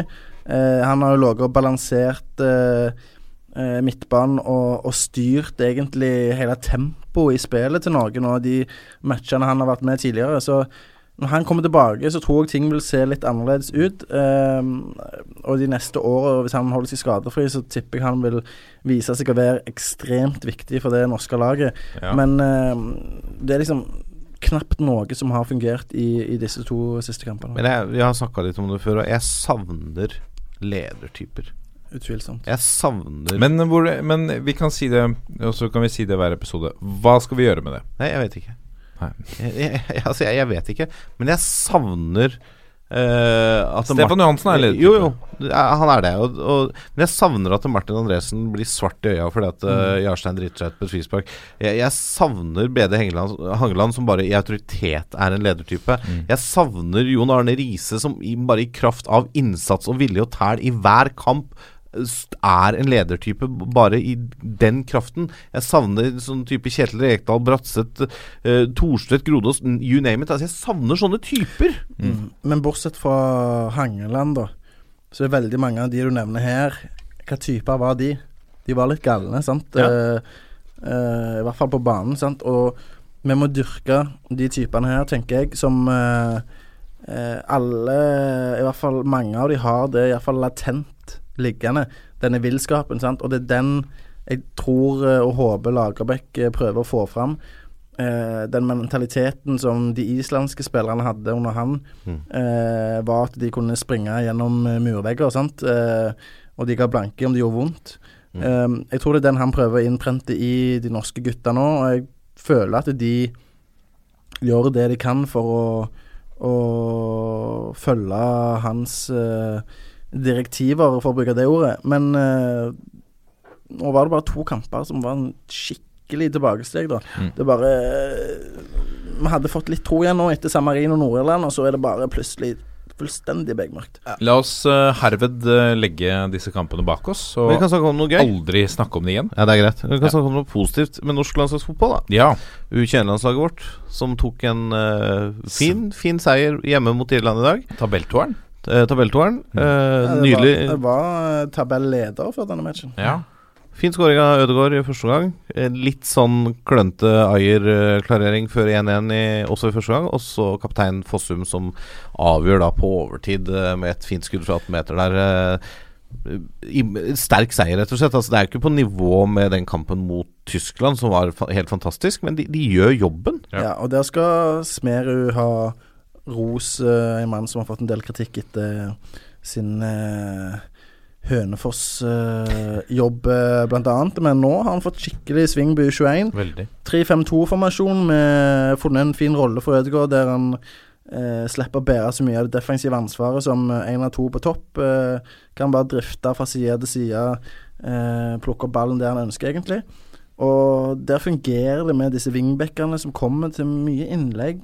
Eh, og han, Det ser ut som han har funnet de rette typene i de rette rollene, da. Kan jeg kaste ut en ting? Um, Kast i vei. Vi har sett det før med altså, en, en gyllen generasjon med et U21-landslag som har tatt steget opp. Og så har vi sett at det fungerer ikke. Det er kollektivet som ikke fungerer like godt. Kan det være en idé når, hvis, når Lars Lagerbäck gir seg, um, at man tar uh, hvis, hvis man fortsetter å gjøre det såpass godt som vi gjør for tiden på U21, at man rett og slett flytter opp enda flere av et U21-landslag sammen med U21-treneren og fortsetter å rendyrke kollektivet Ja, det på kan- A-landslaget. Kan godt hende at det kan, kan funke. Nå skal jeg også ta med i beregningen her at det steget fra U21 til A. Det er ganske stort. Ja, ja, ja, absolutt. De fleste som spilte for bron- eh, i 2013, har jo A-landskamper for Norge. Mm. Eh, det er vel da bare Kastrati i Sandefjord som ikke har det. Eh, men det er vel ikke så mange av de som har etablert seg sånn kjempegodt. Noen av de har jo selvfølgelig det, men altså Du har vel Omar El Abdelawi og Stefan Johansen som Ja. har eh, flest matcher. Ja, som har flest matcher. Eh, bortsett fra det, så er det ikke så Markus Henriksen, var ikke han eh, på det laget deres òg? Jo, det var det vel. Ja. Eh, han må vel også sies å være Hå- Håvard. Nordtvedt kom vel ned etter hvert og satt på benken, faktisk. Ja. Eh, Selv om Han han, ble var ned, ja. den siste stjerna. Ja, Uh, men uh, for da funka kollektivet uten ja. han. Men det er jo sånn Det er jo det som er tilfellet med U21 òg nå, at det, bortsett fra eh, så har du ikke spillere som på en måte De har veldig bra ferdigheter, de fleste av de. Sant? Eier, Fossum osv. Men det er kollektivet her som eh, fungerer veldig bra, og flytta mange av de plutselig inn i en uh, første eller A-landslaget tror jeg ikke hadde hatt noe for seg. Nei. La oss gå videre til eh, de to eh, kvalifiseringsoppgjørene til uh, helga. Nå er det først eh, Notodden som tar imot eh, Fredrikstad hjemme. Eh, og det, det at Fredrikstad er nødt til å, eh, å eh, være gode på bortebane, det er noe de sliter med. Ja, de, de gjør det. De har vel ikke vunnet Var det vunnet borte på 500 dager? var det? 500 dager. 500 dager. Det var i fjor en gang. Ja. Uh, så god i huregning er jeg. Ja. Eh, Men uh, Fredrikstad trenger jo ett bortemål, da. Ja. Da må Notodden ha to. Mm. Uh, så Fredrikstad klarer seg med alle uavgjort-resultat bortsett fra 0-0. Da blir det ekstraomganger. Uh, så jeg mener jo fortsatt at Fredrikstad er favoritter til å holde plassen i Obos. Ja. Men det er klart, de gjør det ikke noe lettere for seg selv med å ikke vinne hjemme. Eh, det gjør det ikke. Nå var de også faktisk litt heldige hjemme der. Eh, Notodden kunne jo skåra. Og da hadde det begynt å bli ordentlig krise. Ja, og Notodden så veldig bra ut i den matchen der, spesielt eh, defensivt. Det hadde ikke så mye å by på offensivt, men eh, lå solid i forsvar med to stoppere som eh, er duellsterke, og som eh, selvfølgelig fikk eh, eh, kampen litt eh, inn i det sporet de ønska, med at de kunne stå og stange unna veldig mye. Eh, samtidig så syns jeg Fredrikstad Jeg vet ikke om, om at de skuffa er det rette ordet å bruke her, men de var i hvert fall ikke så sprudlende som jeg eh, eh, gjerne kunne tenkt at de ville være, med tanke på den nye energien de har fått under eh, Bjørn Petter Ingebrigtsen. Um, skapte ikke spesielt mye. Jeg syns Ludvig Begby på venstre bekk var gjerne den mest skapende spilleren. Han ble flytta fram på venstre kant uh, utover i oppgjøret og, og bidro med mange gode innlegg. Eh, Kapitsic uh, burde satt eh, den ene store sjansen han hadde der i andre omgang, men uh, med 0-0 i Fredrikstad, så Nå er det som sagt det er ett bortemål, da, så må, så må Notodden ha to. Men uh, den kampen der er helt, helt åpen. Og så har vi Mjøndalen, da. Alle gutta som tar imot uh, Ranheim på Isaksen stadion. Ja, og her er jo Mjøndalen storfavoritter, uh, rett og slett. Og det baserer jeg på to ting. Og det er nummer én at de har hjemmebane og er solide der. Og nummer to at Ranheim skal jo ikke rykke opp til Eliteserien. Men selvfølgelig, det kan jo hende de vinner eh, mot Mjøndalen. Men da kan vi jo bare si med en gang at kvaliklaget i Eliteserien, de holder seg. Jeg, altså Helt seriøst, 110 kilo Vangstein. Jeg melder meg på Birken hvis Ranheim rykker opp til Eliteserien. Jeg mener Oh! Jeg går Birken 2018. Hvis, Hvis Ranheim rykker opp til. Eliteserien i år. Det, Ja, det mener jeg. det, det kan fort skje, tror jeg. er eh, Tror du Ranheim rykker opp? Ja, altså det, det kan veldig fort skje. Fordi Ja, det er jo på lufta. Ja, det er sant. ja, altså dette kan veldig fort skje, fordi eh, eh, Ranheim er et solid lag. Ja, men jeg tror ikke de, tror ikke de rykker opp. Nei, altså nå Sandnes Ulf eh, skuffa veldig i de siste kampene, og de skuffa på ny mot eh, Ranheim, men eh, eh, du har Even Barli eh, bak oss der som redder det som er å redde. Ehm, så hadde du eh, Mats Lillebo som, som kom inn skada fra benken og, og putte og sende de videre. Eh, I tillegg til, til Michael uh, Carlsen der på topp, som, som alltid er en trussel. Så og vi har vært inne på Mats Reginiussen tidligere i, i sendingen. her Som er vel den eneste ikke-trønderen, omtrent. Ja, og det er, jo, det er jo veldig kult at de satser så lokalt som de gjør. Det er jo nesten bare trøndere. Sant? Men, men, hvor, hvor mange ganger de siste ti åra har ikke Ranheim nesten virka utilnærmelige fram til sommerferien, eller, og litt ut på høstsesongen òg, for å så ramle som korthus, kanskje klare en kvalik, og så ryke i kvalik. Det har skjedd så mange ganger de, de siste åra at du begynner å lure på om det er sånn at de ikke vil, tør eller får lov til å rykke opp. Ja, Nå er jo ikke denne sesongen egentlig det året de skal rykke opp heller, da. Sant? Eh, men eh, Nei, Nå har de jeg, fått jeg, et sa, jeg sa 2018. De måtte rykke opp i år. Altså, ja, ja, ja. ja. Ja, ja, Nå har de fått ja. en ekstra motivasjon her. ja, ja, ja, men jeg tenker, jeg tenker ut fra forutsetningene, sant. Og Uh, i uh, Nå er liksom Det er en veldig tøff kamp oppe om Mjøndalen, men det er ingen umulighet Nei, nei, nei. at de tar den. Eh, to kunstgresslag som møtes. Eh, det hadde vært mye verre for Eller det var mye verre for f.eks. Sandnes Ulf, som, som kom til, til Ranheim og måtte spille på kunstgress der. Eh, den fordelen har ikke Mjøndalen nå. Eh, samtidig så har du akkurat nå Ålesund på kvalikplass i Eliteserien. Og det er ikke et lag som eh, eh, er umulig å slå for eh, verken Mjøndalen eller Ranheim. Nei. Har du gått mye på ski, eh, Vangstein? ja, jeg har gått litt på ski. Skal vi begynne å snakke tid her? Hvilken tid? Nei, nei, jeg skal ikke eh, Vet du hvor langt eh, Birken er? 54 km. Det er riktig. Så dette har du sjekket Har du gått på et lignende veddemål før? Nei, jeg, men jeg, vi snakka om veddemål forrige gang. Ja. Eh, Da måtte jeg gå med Lillestrøm-drakt. Er det det verste veddemålet du har vært inne på? Ja, ja. Og, og det kom, selv om jeg skulle ryke her, Mm. så kommer fortsatt Lillestrøm-drakta til å være det verste tapet i et veddemål jeg noen gang har gjort. Jeg skal bli med deg ja, hvis uh, du taper. Uh, ikke å gå, uh, men å stå på startstreken stå på og målstreken. Ja, Men også må jeg ha deg midt på fjellet. Sånn heia, nå er du snart i mål. Bare tre mil igjen. Yes, Det blir en spesialsending. En skispesial, faktisk. Oh, oi, nå angrer jeg allerede, kjenner jeg. Men ok, det er greit. Jeg får ta den. La oss ta turen til Finnsnes. Ja, la oss gjøre det. Jeg skal ikke gå på ski til Finnsnes. Ikke gjør det. Nei. Fordi i våren på våren 2016 så skrev Folkebladet, lokalavis der oppe, at Finnsnes var den dyreste klubben for barn i Midt-Troms. Uh, nå har de tydeligvis tatt grep. På, uh, på forrige styremøte i Finnsnes så uh, ble det rett og slett vedtatt å sløyfe hele treningsavgiften for alle barnelag på gutte- og jentesiden fra 14 år og nedover. Det vil si at for å spille fotball, trene og spille fotball i, på Finnsnes, så koster det 275 kroner i året. For et, for et tiltak. Det er medlemskontingent. Det er medlemskontingent som er pålagt. Du må, er nødt til å betale en type Mm. medlemskontingent. Eh, jeg må si at uh, altså, de, de ser på dette som en, en mulighet for å øke rekrutteringen her, og har spesifisert at de ønsker ikke å stjele spillere fra andre klubber. Det er ikke formålet, men å, å tiltrekke seg enda flere spillere, sånn at flest mulig kan få mulighet til å spille ball. Mm. Eh, vi, vi må hylle dette. Ja, ja, for all del. Hylle det hvis de har vært den dyreste klubben, og at de tar grep for å ikke være det lenger. For det er ikke noe sånn kjempehyggelig å ha på seg at du er det, som en breddeklubb de er. Men øh, jeg, jeg, jeg ser ikke noe i veien for at klubber øh, tar litt betalt for at spillere skal få lov å trene og spille der. Uh, I min klubb der gutta spiller, da, i Dal IL, så er det jo sånn at vi som trener laga, vi får da ingen treningsavgift på sønn nummer én, og så får vi halv på nummer to. Ja. For eksempel, for det, som liksom en liten motivasjon for at du Mm. gidder å påta deg det frivillige arbeidet med å trene disse eh, små gutta. Ja, og så er det dommere som skal ha litt eh, penger for Ja. å lede kampene osv. Ja, og så har du et anlegg som skal holdes ikke sant? Kunstgress som av og til må byttes. Du skal ha litt lys der, du skal kanskje brøyte av og til. Du skal ha et klubbhus. Så, så at det er litt inntekter til klubben, det ser jeg ikke noe veien for.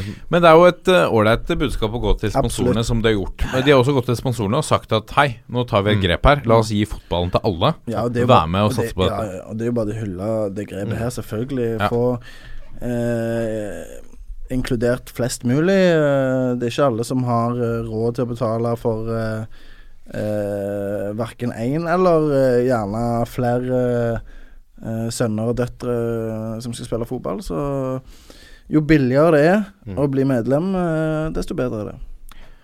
Da skal vi videre til uh, Rafik Seknini, som eh, nå igjen, eh, litt før sending i dag, så tolker jeg litt denne saken som at man oppdager at Marokko er klar for VM. Man ringer Rafik Seknini og spør han hvis Marokko er interessert i deg og du kan være med til VM, har du lyst til det? Ja eller nei? Eh, Å ja, du sier kanskje. Da skriver vi en sak. Ja, det, Eh. han fristes av VM-spill for Marokko. Ja, og det er vel naturlig å si. Jeg også fristes av VM-spill for Marokko. Ja, men, men, men det sier han jo. Han sier jo rett ut at eh, eh, han har eh, sterke følelser for Marokko. Begge foreldrene kommer derfra. eh, og selvfølgelig så frister et VM. Ja.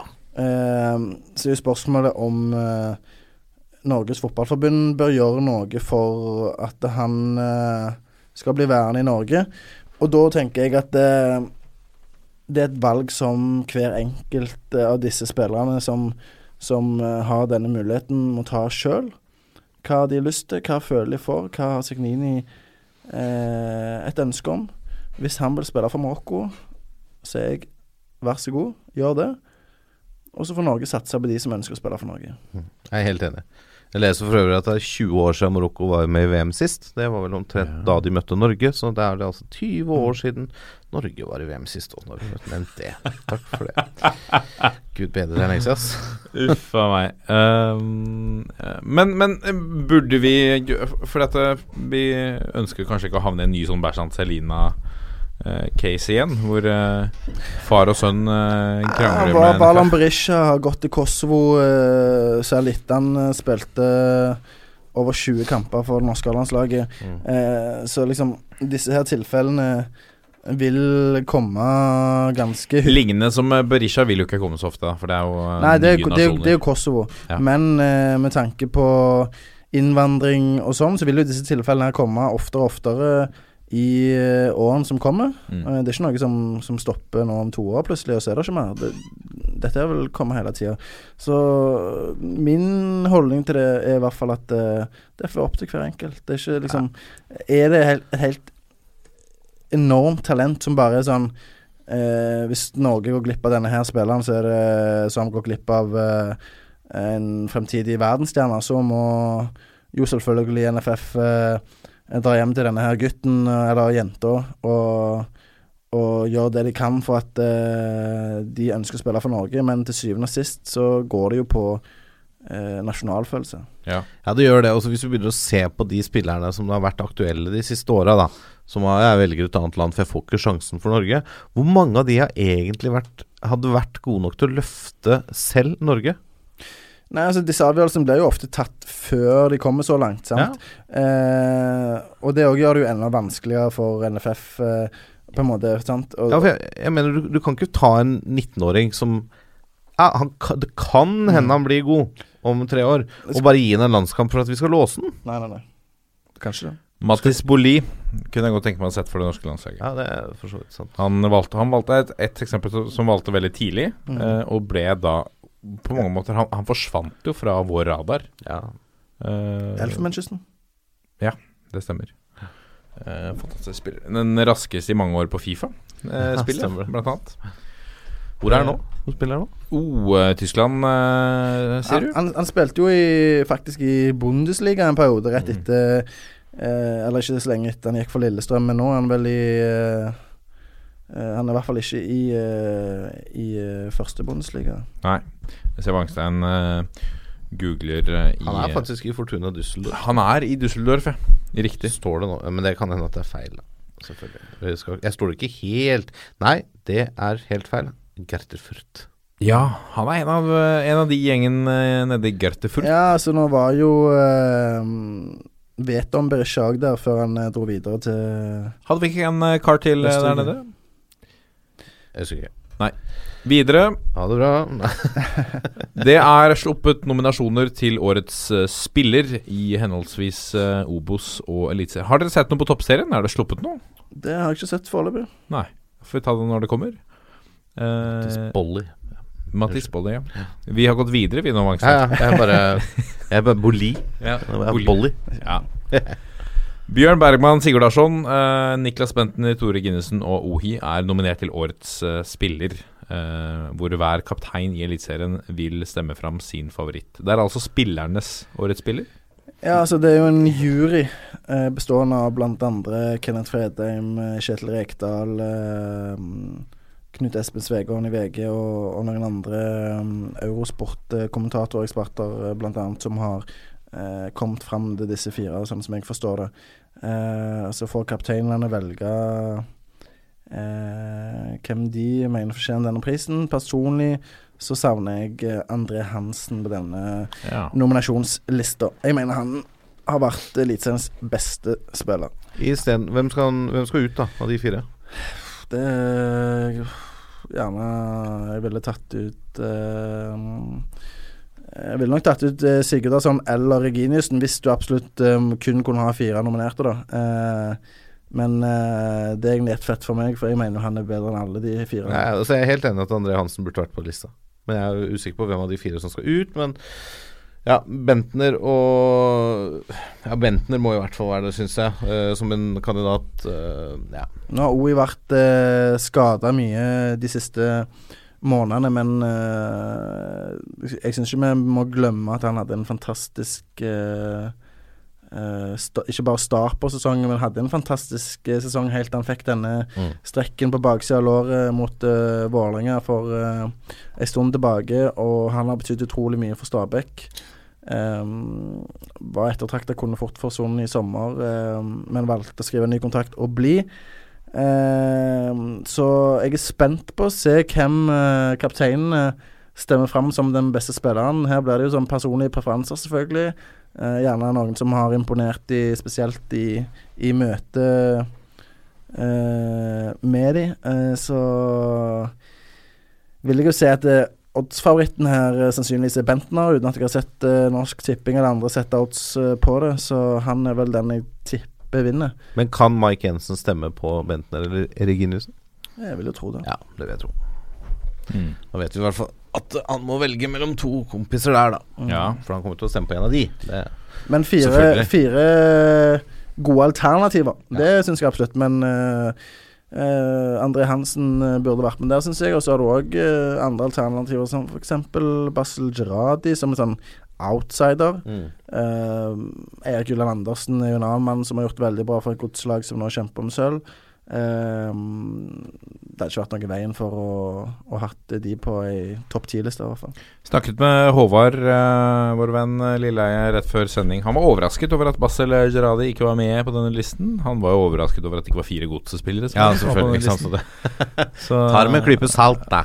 Han sa for øvrig at han nesten forventet at Godset prøvde å presse fram et eh, Gerradi-salg før sesongen var ferdig. Eh, eller å, å plassere det før neste sesong var vel tanken for at Godset styre mot et underskudd på nærmere 20 millioner. Ja. Da uh, kan det komme godt med. Det tror jeg. Skal vi ta Obos-ligaen? Uh, Obos-ligaen? Eh, Kristian Fardal Opseth, uh, Bodø-Glimt. eh, Martin Bjørnbakk. Amal Pellegrino og Niklas Sandberg. Ja. Eh, I, mi, I mitt hode så er Bør dette være grei skuring for uh, Fardal Opseth, eller? ja, det er jeg helt enig i. Tidenes toppskårer i Obos-ligaen? eller i, i første divisjon? overrasker meg stort om ikke det blir han. Han har allerede fått uh, en, eller vunnet en kåring som uh, NTB-børsens uh, Det er jo alle disse som leiver kampene som, eh, som setter børsene der, hvis ikke tar feil. Han har allerede vunnet den, Ja. eh, og han tar vel denne her òg. Men eh, gode Gode valg, de tre andre der òg, syns jeg. Så er det alltid selvfølgelig folk eh, eh, som kunne vært med på den lista òg, vil andre hevde. Den, eh, denne fotballfesten sendes på, på TV Norge og Eurosport. Med Karsten Skjelbreid og, hold dere fast, Else Kåss Furuseth som programleder.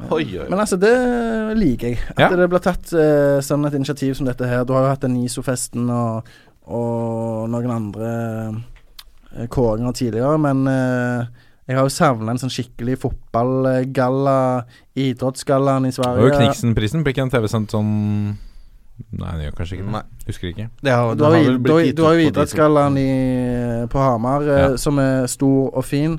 Eh, men jeg har savna en sånn eh, fotballskala som de har i, i Sverige. Mm. Um, så Ja, for NISO spilleprisen er alltid forbigått i litt sånn stillhet. Ja. Det er tatt i altså, Jeg har ikke fått den eh, store prestisjen, da, selv om det lite. De har gjort veldig lite selv om, jeg vet, selv om jeg vet det har vært moro for de som har vært til stede. Ja, ja. Men, eh, men, eh, men jeg liker dette initiativet her.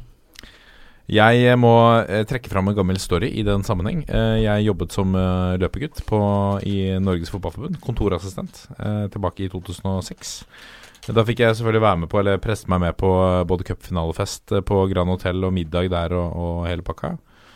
Og også da denne NISO-festen som var i, nesten i lobbyen ved siden av på Grand Hotel. Uh, og der sto jeg og, og festa med fotballspillere, mens Per Silan Skjelbred ble nektet inngang, for han var bare 17. Eh, og, da, og da var han et virkelig stjerneskudd. Så det var liksom sånn jeg tenkte at nå er vi um, her, Du skulle hatt min plass, tenkte jeg. Ja, Vi skulle ikke vært her Vi inne. skulle bytta. Vi skulle bytta. Ja. Nei, men jeg er helt enig. Gleder meg til denne Å å få på dette er starten på en, eh, på en tradisjon. At Gjør litt stas på spillerne. Jeg Ja. syns det er fint, det. Og det er et ledd i, i å hause dette opp litt. ja, ja. ja, Ja, gjør det. Dette er toppfotball. Og da er vi klare for preview. ehm, for mange en, eh, endelig etter en landslagspause. Vi koser oss også- med landslaget. Vi tar det vi får. Vi, Vi kosa oss i hvert fall før landskampene, men det skulle vi ikke snakket noe mer om. Nei, vi koste oss før landskampene. La oss begynne med Kristiansund eh, Sandefjord. eh, og her er Altså, dette er en viktig kamp for Kristiansund. For eh, med seier så er de fortsatt sikra Det er de, det er de sikra plass i Eliteserien neste år. Så skal det mye til nå også for at det skal gå skikkelig skeis. Eh, det som var litt morsomt, er at de, de trodde jo de mista helten fra lokaloppgjøret mot Molme, nei, Malmö, sier jeg, mot Molde. Eh, Bamba som dro på seg en rød maske når han feira scoring mot eh, Molde, og fikk et gult kort. Så mange tenkte at bare shit, er, er han uten noe neste? Men det var bare hans fjerde. Så han er eh, klar. Så han er bare i faresonen. Han er bare i faresonen for Ja, for, for de siste kampene. Eller siste matchen. Um, og jeg må si at Kristiansund også tok seg opp. De tok en imponerende 1-0-seier borte mot Molde sist. Uh, litt nervøs start, men, men spilte seg opp. Uh, Sandefjord uh, feira jo med, med fest og pils og det hele etter Vålerenga-seier uh, sist. Nå, nå er de jo klarere. klare. Eh, og, og holder seg Eliteserien etter Jeg tror ikke det var veldig mange som så den Kristiansund-serien komme med Molde, men den gjør jo at de eh, nærmest har berga plassen. Ja, ikke sant. Um, og eh, Sandefjord som kommer tilbake etter en, etter en uh, svak uh, kamp mot uh, Sarpsborg, hvor de tapte 5-0. Viste karakter nå. gjorde en god kamp mot, mot Vålerenga. Men har kun ti poeng på, på bortebane i år. Det er ikke noe sterkt bortelag, Sandefjord. Og, eh, Kristiansund er vel ditto sterke hjemme også. ja, altså Ja. De har tatt mye poeng hjemme. Uh, nå var det Det var gøy å se Facundo Rodriguez. Han herja tidvis med Vålerenga nå på komplett. Uh, gikk av med skade sammen med Lars Grorud, men de skal være klar for spill igjen. Ikke sett noe uh, annet enn det. Kastrati er fortsatt ute med strekk for Sandefjord. Kristiansund mangler ingen utover de som allerede har vært ute. Ehm, jeg tør eh, Den er vanskelig. Jeg tør spå en, en eh, hjemmeseier her. Fordi at eh, For Kristiansund så anser de dette som en fortsatt en viktig kamp. Jeg tror kanskje at Sandefjord nesten har gjort seg ferdig med sesongen. I og med at de feiret med en fest til forrige match. Ehm, hva sier dere om vi går videre til Rosenborg-Viking, Bårdsen? Ja, det er topp mot bunn. Mm. Rosenborg som eh, er seriemestere, til tross for at de uh, tapte veldig overraskende mot Ålesund sist. Eh, mange vil iallfall mene det. Samtidig så visste de jo at de hadde vunnet serien allerede før den matchen, og da var det gjerne naturlig at eh, enkelte slapp seg nedpå såpass at eh, Ålesund eh, eh, fikk en mulighet som de tok godt vare på til å vinne den kampen der. Eh, nå får de vel utdelt eh, pokalene på Lerkendal og skal ha en skikkelig feiring eh, både før, under og etter kamp mot Viking. Um, Rosenborg er et lag som bare har tapt uh, fire kamper denne sesongen, men to av de har kommet uh, på hjemmebane. Uh, er bare ligaens fjerde beste lag på hjemmebane, så det er jo alltid muligheter for Viking, som uh, vant uh, et i utgangspunktet tøft uh, oppgjør mot Sarpsborg 08 sist. Snudde 0-1 til 2-1 eh, helt på tampen. eh, gjennom Fredrik Torsteinbø etter at eh, George eh, Green hadde pirka inn 1-1. Eh, så dette er jo et av de klassiske norske oppgjør, egentlig. Rosenborg Viking. Det var en storkamp eh, en gang i tida, det. Eh, egentlig for ikke så altfor lenge siden, men nå eh, ble jo dette her en festkveld for Rosenborg uansett hvordan denne matchen ender. Men eh, etter sånn som ting ble mot Stabæk, da de hadde muligheten til å, å sikre en god fest, så tok de ekstra sugne på å få til det nå. Og, og Viking må vel stå æresvakt? Ja, Det går, de. det, går, ja, det går ut fra. Hvis, Ja, ikke, ja. hvis ikke det holdt med Ålesund uh, Ja. sist. Ja, det er vel, jeg tror det er i hvert fall eh, Fra England så er det jo sånn at de alle Alle som møter de etter det, de er Ja, klare, ja. skal stå æresvakt. Uh, jeg vet ikke om det er Er det verre for Viking å stå æresvakt enn om det hadde vært Molde på sølvplass som sto der som æresvakt? Jeg vet ikke. Det, Jeg tror det hadde vært verre for Molde enn det for Viking. ja, ikke sant. Ja, det er sant det. Definitivt. Det blir jo spennende å se Bentner, da. Han har jo han, han, Apropos fest. Mm. Kan det hende han tar seg en liten fest i kveld? Det vil jeg tro. Ja. det, og det er velfortjent, selvfølgelig. Ja, han har noen dager til å komme seg på. Men eh, han er jo eh, gira på å få uh, den toppskårertittelen Mm. og gira på å runde 20 mål. Han har 18 uh, så langt. Uh, To matcher igjen å gjøre det på, så Og nå er OI tilbake, så nå er OI tilbake òg. Mm, så han eh, er nødt til å levere her nå, Benten, hvis han er Og jeg tror faktisk han er gira på den toppskårertittelen. Ja, ja, det, det vet jeg. det. Ja. Ja. Um, vi fortsetter ferden vår ut ø, i dette langstrakte landet og er kommet til uh, Marienlyst og Strømsgodset Brann Vangstein. Ja, dette er jo en eh, kjempekamp, rett og slett. Dette er jo to lag som bør og må vinne for å henge på medaljene. Ja. Det skiller bare ett poeng mellom de. Strømsgodset på eh, fjerde og Brann på femte. Eh, og da, jeg tror det kommer til å by, bety en forrykende kamp, altså, i, i eh, Drammen. Jeg tenker sånn Er du litt nøytral eh, i denne runden her, så kan det her være kampen å følge med på. Strømsgodset er jo i kalasform og har satt klubbrekord med syv seire på rad. Eh, Brann har Ganske bra. Ja, det er sterkt, altså. Eh, Brann hadde jo en rekke med fire tap på rad, men har nå vunnet de to siste, så er jo egentlig to lag i grei form. Eh, og så har Strømsgodset rett og slett gjort Marienlyst til et fort igjen. Og de er Eliteseriens beste hjemmelag. 9-3-2 eh, på hjemmebane. Og 28-15 i målforskjell. Brann er tredje beste bortelag i Eliteserien. 5-4-5. Det er også ganske sterkt.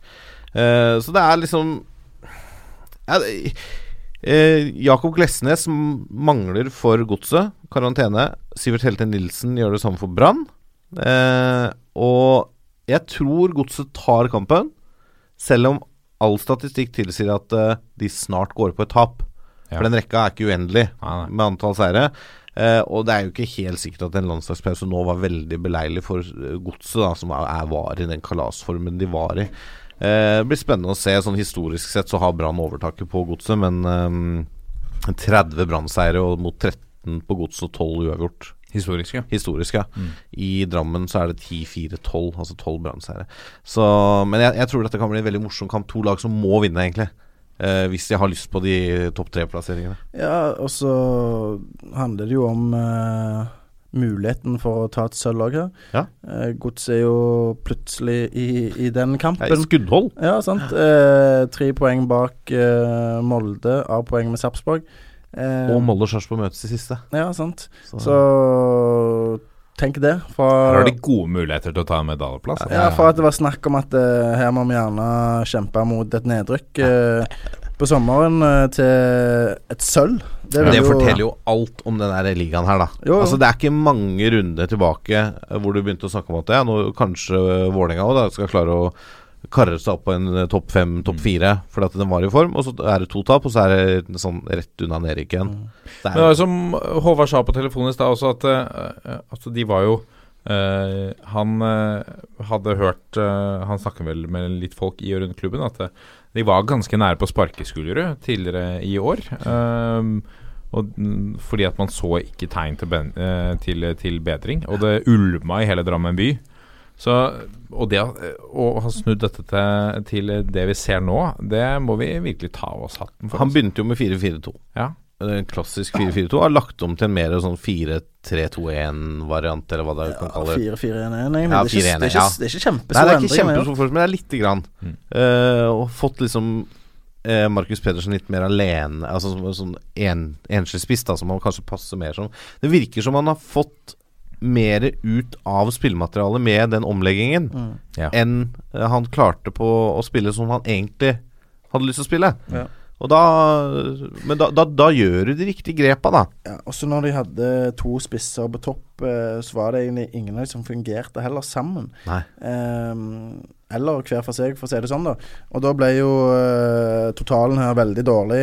Um, Markus Pedersen, Marco Tagbayumi, Pontus Engblom, Tommy Høiland. Uh, mange ble prøvd. Uh, ingen gjorde det egentlig spesielt bra. I hvert fall ikke etter at uh, Tagbayumi uh, slukna etter en lovende start. Ehm, så jeg er enig i det, at den lille omleggingen der til å gi eh, Markus Pedersen mer tillit som eh, spiss nummer én, og, og skyve Og det at han skjøv uh, Gerradi ett hakk lenger fram i banen, eh, det har vært eh, utrolig vellykka. Og Samtidig så har Eirik Ulland Andersen um, prestert ekstremt bra. Han står med ti skåringer og fem assist eh, eh, denne sesongen. Ja, og Basel Radi med ni skåringer og seks assist. Ja. Så det er, Ja, ja. de har en rekke der med, med profiler. Jeg bare Og, går gjennom nå hvem som har levert jevnt ut. At vi har spillere som Jradi, Ulland Andersen, Glesnes, Wilsvik. eh, hvor mange mål har Francisco Markus Junior. Pedersen? Eh, Markus Pedersen har syv eh, skåringer. Ja, det er jo under pari. Ja, ja, det er under pari. Men du har hatt Han har hatt sin down, da. Du har hatt Gerradi og Ulland Andersen som har levert stabilt stort sett hele sesongen. Mm. Uh, Ulland Andersen var ute med en skade i vår uh, som uh, eh, egentlig eneste grunn til at han ikke står med flere målpoeng. Han har levert veldig bra nå over mange sesonger. både for uh, Hødd og Godset, så Han er en type som er gull verdt for uh, ethvert lag. Eh, han har de ekstreme eh, ferdighetene som eh, eh, ender med et sluttprodukt, da, som enten er sist eller scoring. Eh, så det blir spennende å se de to igjen nå mot et Brann som uh, har funnet litt eh, tilbake til seg sjøl igjen de siste ukene. Ja. Og så er det duket for en virkelig eh, Det kan bli en virkelig spennende kamp eh, her i siste runde. Eh, Ålesund-Strømsgodset. Mm, -hmm. Ålesund jobber for å mest sannsynlig jobber for å, for å holde seg her. Og, øh, og Godset som da kan kjempe om til og med en, kanskje en sølvplass. Ålesund kjemper for å, for å komme på kvalik, da. Ja, det er riktig. Ja. Det er riktig. La oss gå videre til eh, Lillestrøm-Molde, Bårdsen. Um, hva tenker du om, eh, om den matchen der? Molde er nødt til å vinne for å, for å fortsatt ha grep om sølvet her. Ja, for Lillestrøm så er det ikke så gunstig at uh, Molde gikk på en smell mot Kristiansund sist, for nå eh, trenger Molde de poengene. gjerne spesielt med tanke på at de møter Sarpsborg i siste runde. De vil ha det sølvet, eh, ingen tvil om det. Eh, Lillestrøm har tapt eh, fire av sine seks siste kamper, men de berga så godt som plassen med den 4-0-seieren mot eh, Ålesund for to runder siden. Tapte de ikke overraskende mot Brann sist, i Bergen. Eh, og der er jo eh, mye av fokuset, vil jeg tro, på cupfinalen mot Sarpsborg 3.12. Eh, så om eh, Lillestrøm taper denne matchen her, hvis ikke noe veldig spesielt skulle skje, eh, så kommer de uansett ikke til å rykke ned. Eh, så sånn sett så er det Molde som har på en måte eh, alle insentivene for å, å ta denne matchen. Kjører han elleve mann innafor 40 meter? Er Det, det gjør han uansett.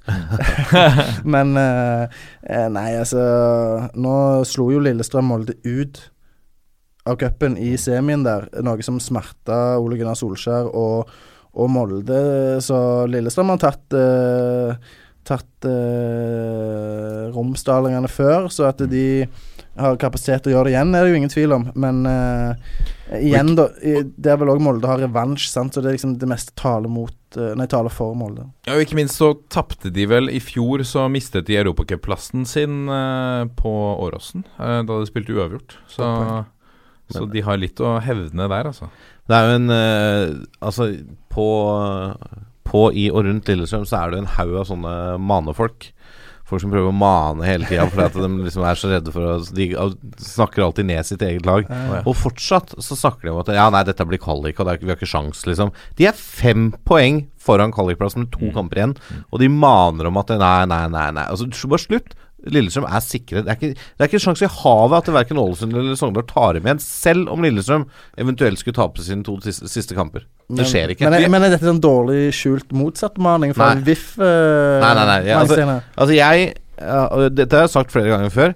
Jeg gir blanke faen i om Vålerenga kommer over Lillestrøm på tabellen, så lenge det ikke står om noe. Ja. Altså, altså Om det står mellom sjuende og niendeplass, så er jeg, det, jeg driter egentlig om Her tenker ikke mer på om du ønsker Lillestrøm ned. Nei, jeg gjør egentlig ikke det for jeg syns de lo- lokaloppgjørene er ganske gøye. Ja. I hvert fall etter vi mista Lyn. Men den cupfinalen svir. Den er vond. Ja. det, er, det er en helt annen sak. Er du villig til å utforme noe, utføre noe sportslig aktivitet dersom Lillestrøm uh, rykker ned? da? Tror han har nok med Birken her inne. Tror du det holder lenge med at jeg skal gå Birken i 2018? Ja. Forsa Ranheim, er det det de sier? La oss mane fram Ranheim, da. Ja, skal jeg, da skal jeg kjøre spleis, for jeg trenger nye ski. Ja, ja det ut på bidrag. Topp, toppfotball, spleis. Ja. Eh, la oss gå videre til Stabæk-Sogndal. Eh, apropos Spleis. Stabæk lokker med gratis inngang til denne matchen. Bra. Eh, siste kamp på Nadderud for sesongen. Da kan man gå inn på billett.stabak.no og hente gratisbillett. De understreker at man har hørt av billett for å komme inn. Så gå inn der eh, hvis du er i eh, Altså, de, de oppfordrer jo hele Oslo. De skal bli Oslos nye lag Ja, ja, sånn. også. Så Oppfordrer de folk fra Bærum-området til å gjøre det samme, eller bare fra Oslo? Ja, det vet jeg ikke. De har uh, pirka seg inn på, på Oslo her nå. Ja. Lykke til. Eh, ikke sant? Eh, men de er jo eh, De vil jo lage en liten fest eh, i siste kamp her. Eh, det er jo sånn sett en plasseringsmessig Eller plasseringsmessig kan ha betydning, men, men de er jo litt middelhavsfarer nå, uh, Stabæk. Har ikke sjanse til verken nedrykk eller noen medaljer. Um, Men det er noen kroner involvert I plasseringer. i plasseringer, så det er faktisk ikke helt ubetydelig for disse lagene som mange av de sliter med økonomiske utfordringer. Det er et uh, veldig godt poeng. Og nå uh, Altså Vi snakket om det i forrige sending òg. Uh, Frank Poli og ikke minst også Tortol Lumanza, som herja med Odd eh, mot eh, altså 5-0 i, i forrige match. Uh, OI var tilbake fra start, eh, markert som en. Eh, vi vet jo at OI er eh, interessert og har has på toppskårertittelen. Ett mål bak eh, Bentner. Det er en del aspekter her som, som eh, ligger til rette for og, og hvis de får et bra hjemmepublikum, lager litt fest hjemme på Nadderud Stabæk-fansen eh, er har vært flinke til å stille opp i hele år. Uh, dette kan bli tøft for uh, Sogndal. Uh, de er seriens desidert svakeste bortelag. De har tatt ni poeng av eh, 42 mulige. Eirik Bakkes menn. Men de må, de må reise til Bærum og komme ut på den Nadderud-matta med desperasjon i øynene, altså. For her må de ha poeng. De må ha poeng. De må ha poeng. Ja, og det er ikke sikkert det holder med ett. Nei, hvis de taper her, Mm. så kan de være nede. Ja. Hvis eh, Ålesund uh, vinner sin match, så er Stabæk nede med Nei, så Sogndal nede med tap. Ja. Uh, så her er det veldig, veldig viktig for Erik Bakke og det laget der at de gjør det bra. Um, og så er spørsmålet om de har spillerne til til å berge plassen. De har henta hjem eh, Even Hovland i sommer. eh, Ga han kapteinspinn og rekordlønn eh, eh, for å, å spille for Sogndal. Eh, vet ikke om han kan bli en nøkkelmann i denne matchen her, men det er iallfall noe som vil tro alle i Saft bygger håper på. Uten å foregripe for mye, så tror jeg at uh, Jeg tror Sogndal får kvaliken. Ok. Uh, selv om de taper mot Stabæk. Kan jeg, kan jeg gjette på årsaken? Ja, Årsaken er jo fordi at Ålesund taper sine to siste kamper. Ja. De taper borte mot Sarpsborg, og de taper hjemme mot Strømsgodset. Jeg ville tippa tippe at et aspekt er at de møter Vålerenga i, i neste kamp. Og det er litt typisk at de Ja, det er tar- veldig typisk at Vålerenga skal klare å involvere seg i det på en eller annen måte. Men jeg tror fordi Ålesund Nei, Ålesund Sogndal er vant til å spille med desperasjon. Mm. De er vant til å kjempe om å unngå nedrykk, og de er flinke til å unngå nedrykk. Mm. Uh, Ålesund er ikke så vant til det. Uh, selv om Ålesund fikk en opptur nå mot, uh, mot eh, Rosenborg. Eh, så jeg tror Sogndal gjør det de må i de to siste kampene. Kan godt hende de tar med seg poeng her òg, fra Nadderud. Eh, og da uh, klarer de seg. Uh, altså Tar Sogndal to poeng på de to neste, så er de på kvalik. Det er helt overbevist om. Og Trond Fredriksen har heller ikke vært i denne situasjonen før som trener for et lag. Nei, det det. det har Eirik Bakke vært. Ja. Det handler ikke så mye om Vålerenga som du trodde det gjorde, men det, det handler om totalen her. Ikke sant? Ja. Eh, Hugo Vetlesen er suspendert for Stabæk. Det er jo ett ene underholdningsfaktor som forsvinner. Ja. Uh, men de kan jo glede seg over Bolli, nevnte Bolli, og Lubanza. Um, Nå vet jeg ikke status på Luke Kassi. Han har vært ute en stund nå med, med lårproblemer. Eh, Var assistkonge fram til han ble skada i Eliteserien med åtte målgivende. Nå er det jo Gamst som har eh, gått forbi. Eh, hvis han er tilbake, så erstatter jo han Vetlesen på en fin eh, måte. Ja, jeg har ikke funnet noen nyheter på at uh, Lukassi skal være tilbake. Um, uh, det blir uansett et interessant oppgjør. La oss gå videre til Sarpsborg. Uh, og de har begynt å vise svakheter, uh, Wangstein. Og tar det mot Ålesund. Ja, dette er også to lag som har veldig mye å spille for, sånn isolert sett, da. Mm. Sarpsborg jakter jo den revansjen etter å ha gått på et litt sånn uventa tap bort mot fortapt Viking da Ja. i forrige kamp, og har fortsatt hengt på sølvet, som vi nevnte i stad. Eh, og som vi så vidt var innom, Ålesund bør ta poeng i noen av de siste kampene og for ikke å havne på direkte nedrykk. Eh, selv om de på en måte litt sånn overraskende tok tak i livlina mot Rosenborg, da. Eh, for hadde de tapt den, så Ja, nei, det, det er jo bare spekulasjon.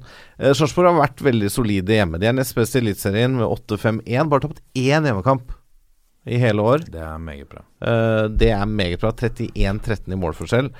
Og Ålesund på bortebane kan vel ikke sies å være like gode. 2-4-8, og da ligaens tolvte beste bortelag, da. Så det er eh, karantenefritt. Ingen av lagene har karantene. Eh, litt inne på det vi snakka om sist. Det kan tenkes at det også Sarpsborg er litt i cupfinalemodus. Underbevisstheten er sånn Jeg trekker meg litt, grann, for jeg har så lyst til å spille i cupfinalen. Det kan være nok til å vippe kampen i favør Ålesund. Men jeg tror allikevel etter en god pause nå at dette Sarpsborg-laget kommer til å ha lyst til å avslutte på ordentlig bra måte hjemme. De bør være revansjesugne, og da, da har jeg en H, H på den. Men skulle jeg satt det på en tippekupong og hatt uh, noen ekstra markeringer, så kanskje jeg hadde vurdert å klinke på en U, da, hvis vi skulle tipse lytterne våre på, på den måten også. Så, men uansett utfall i den kampen her, eller i medaljekampen, så er dette en god sesong for Sarpsborg. De er med og kjemper i toppen ett år til. De spiller cupfinale. En kjempesesong for en klubb Men det er nedtur hvis de ikke sitter igjen med verken medalje eller, eh, eller cupgull. Ja, ja, helt, ja, fordi at det, Sarpsborg har en kjempemulighet her til å sikre europacupkvalifisering i seriespill. Det er topp tre som får den. Mm. Eh, det har de god eh, mulighet til nå. En seier mot Ålesund hjemme. Eh, så eh, kan være mye gjort. Eh, vært inne på Godset, som har en tøff kamp mot Brann. En uavgjort i Drammen hadde jo vært eh, veldig gunstig for både Molde og, og Sarpsborg. Mm, mm. Eh, så her bør iallfall ikke Sarpsborg eh, tenke for mye cupfinale foreløpig, selv om de får en ny mulighet til å kvalifisere seg til Europa eh, gjennom den. Eh, samtidig så er det bra fyr på Ålesund-trening om dagen, rapporteres det. Eh, det har jo vært eh, nærmest eh, slåsskamper der. Eh, Trandason som ble sendt eh, av feltet, og, og Trond Fredriksen som stoppte treningen etter, etter et, eh, eller en konfrontasjon, må man vel kalle det, når vi ikke helt vet hva som eh, skjedde. Eh, så det virker jo som de er klare til å kjempe for poengene, iallfall. Og det tenker jeg Når du hører om sånne hendelser på et treningsfelt, så tenker jeg det bare er gunstig, da. Mm. Selvfølgelig kan det være negativt hvis alt er galt i en klubb, og, og spillerne har mista hodet og disiplin totalt, men her ser jeg det mer på som at det er god temperatur da, i, i økta. De, de lengter etter å spille kamp igjen. Ikke sant? De bare vil ut og nå. Ja, de er iallfall De er tente. Sant? Ja, de, de, har ikke, de har ikke tatt uh, fotballferie ennå, de. Eh, Sarpsborg må ta den kampen her på absolutt alvor hvis Ja, de skal ta med seg tre poeng. Ja, eh, et annet lag som må ta den på alle kamper på alvor, er Tromsø, som tar imot eh, Haugesund. Tromsø er ikke sikret uh, Sikret eliteserieplass ennå. Nesten. Nesten. Det er litt som med Lillestrøm. Det er fem poeng ned Mm. til kvalik, og Ja. det skal mye til når Tromsø roter seg nedi der nå, altså. Ja. Ja, altså det er jo bare et par måneder siden uh, Vallakari, uh, som er av en eller annen grunn som jeg ikke vet, men som jeg føler vi har begynt å bli litt glad i i denne podkasten. jeg bare fikk det på følelsen.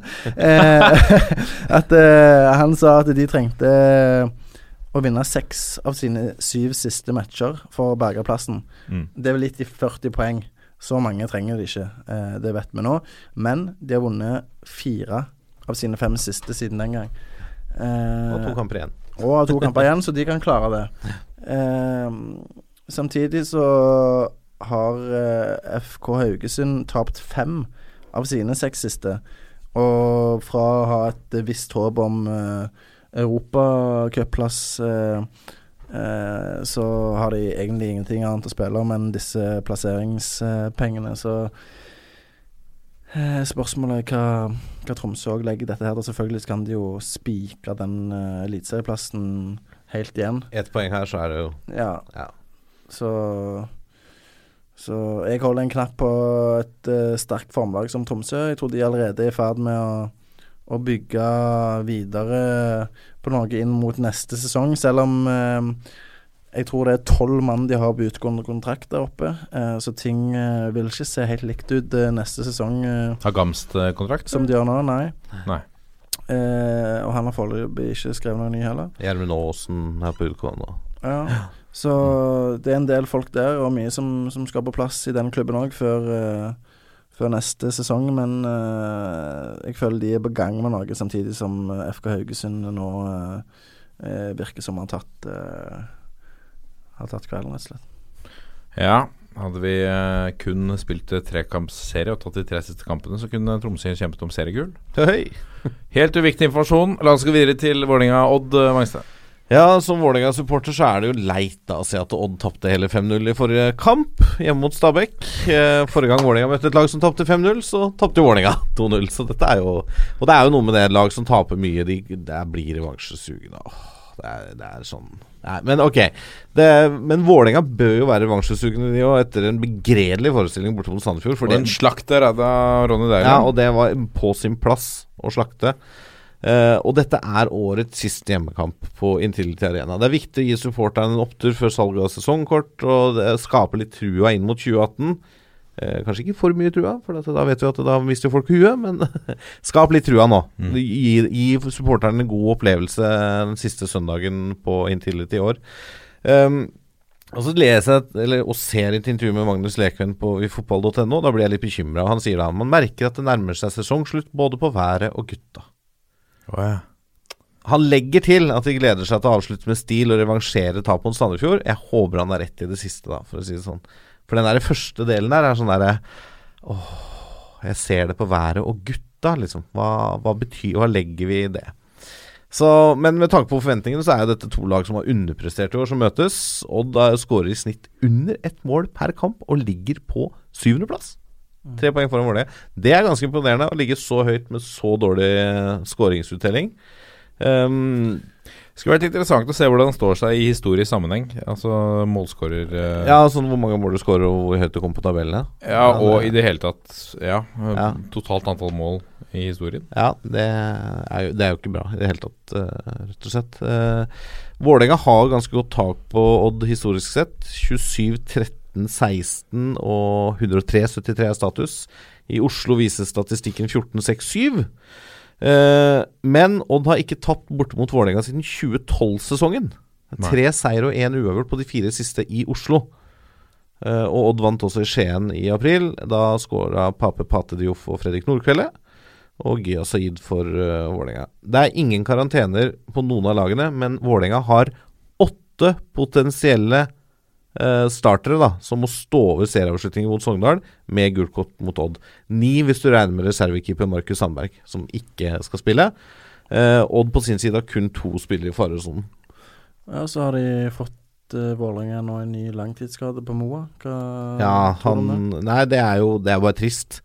Han skal operere, eller har vel nettopp blitt operert, eller skal opereres nå i november, for en bruskskade i kneet, Mm. og er tidligst klar sommeren 2018.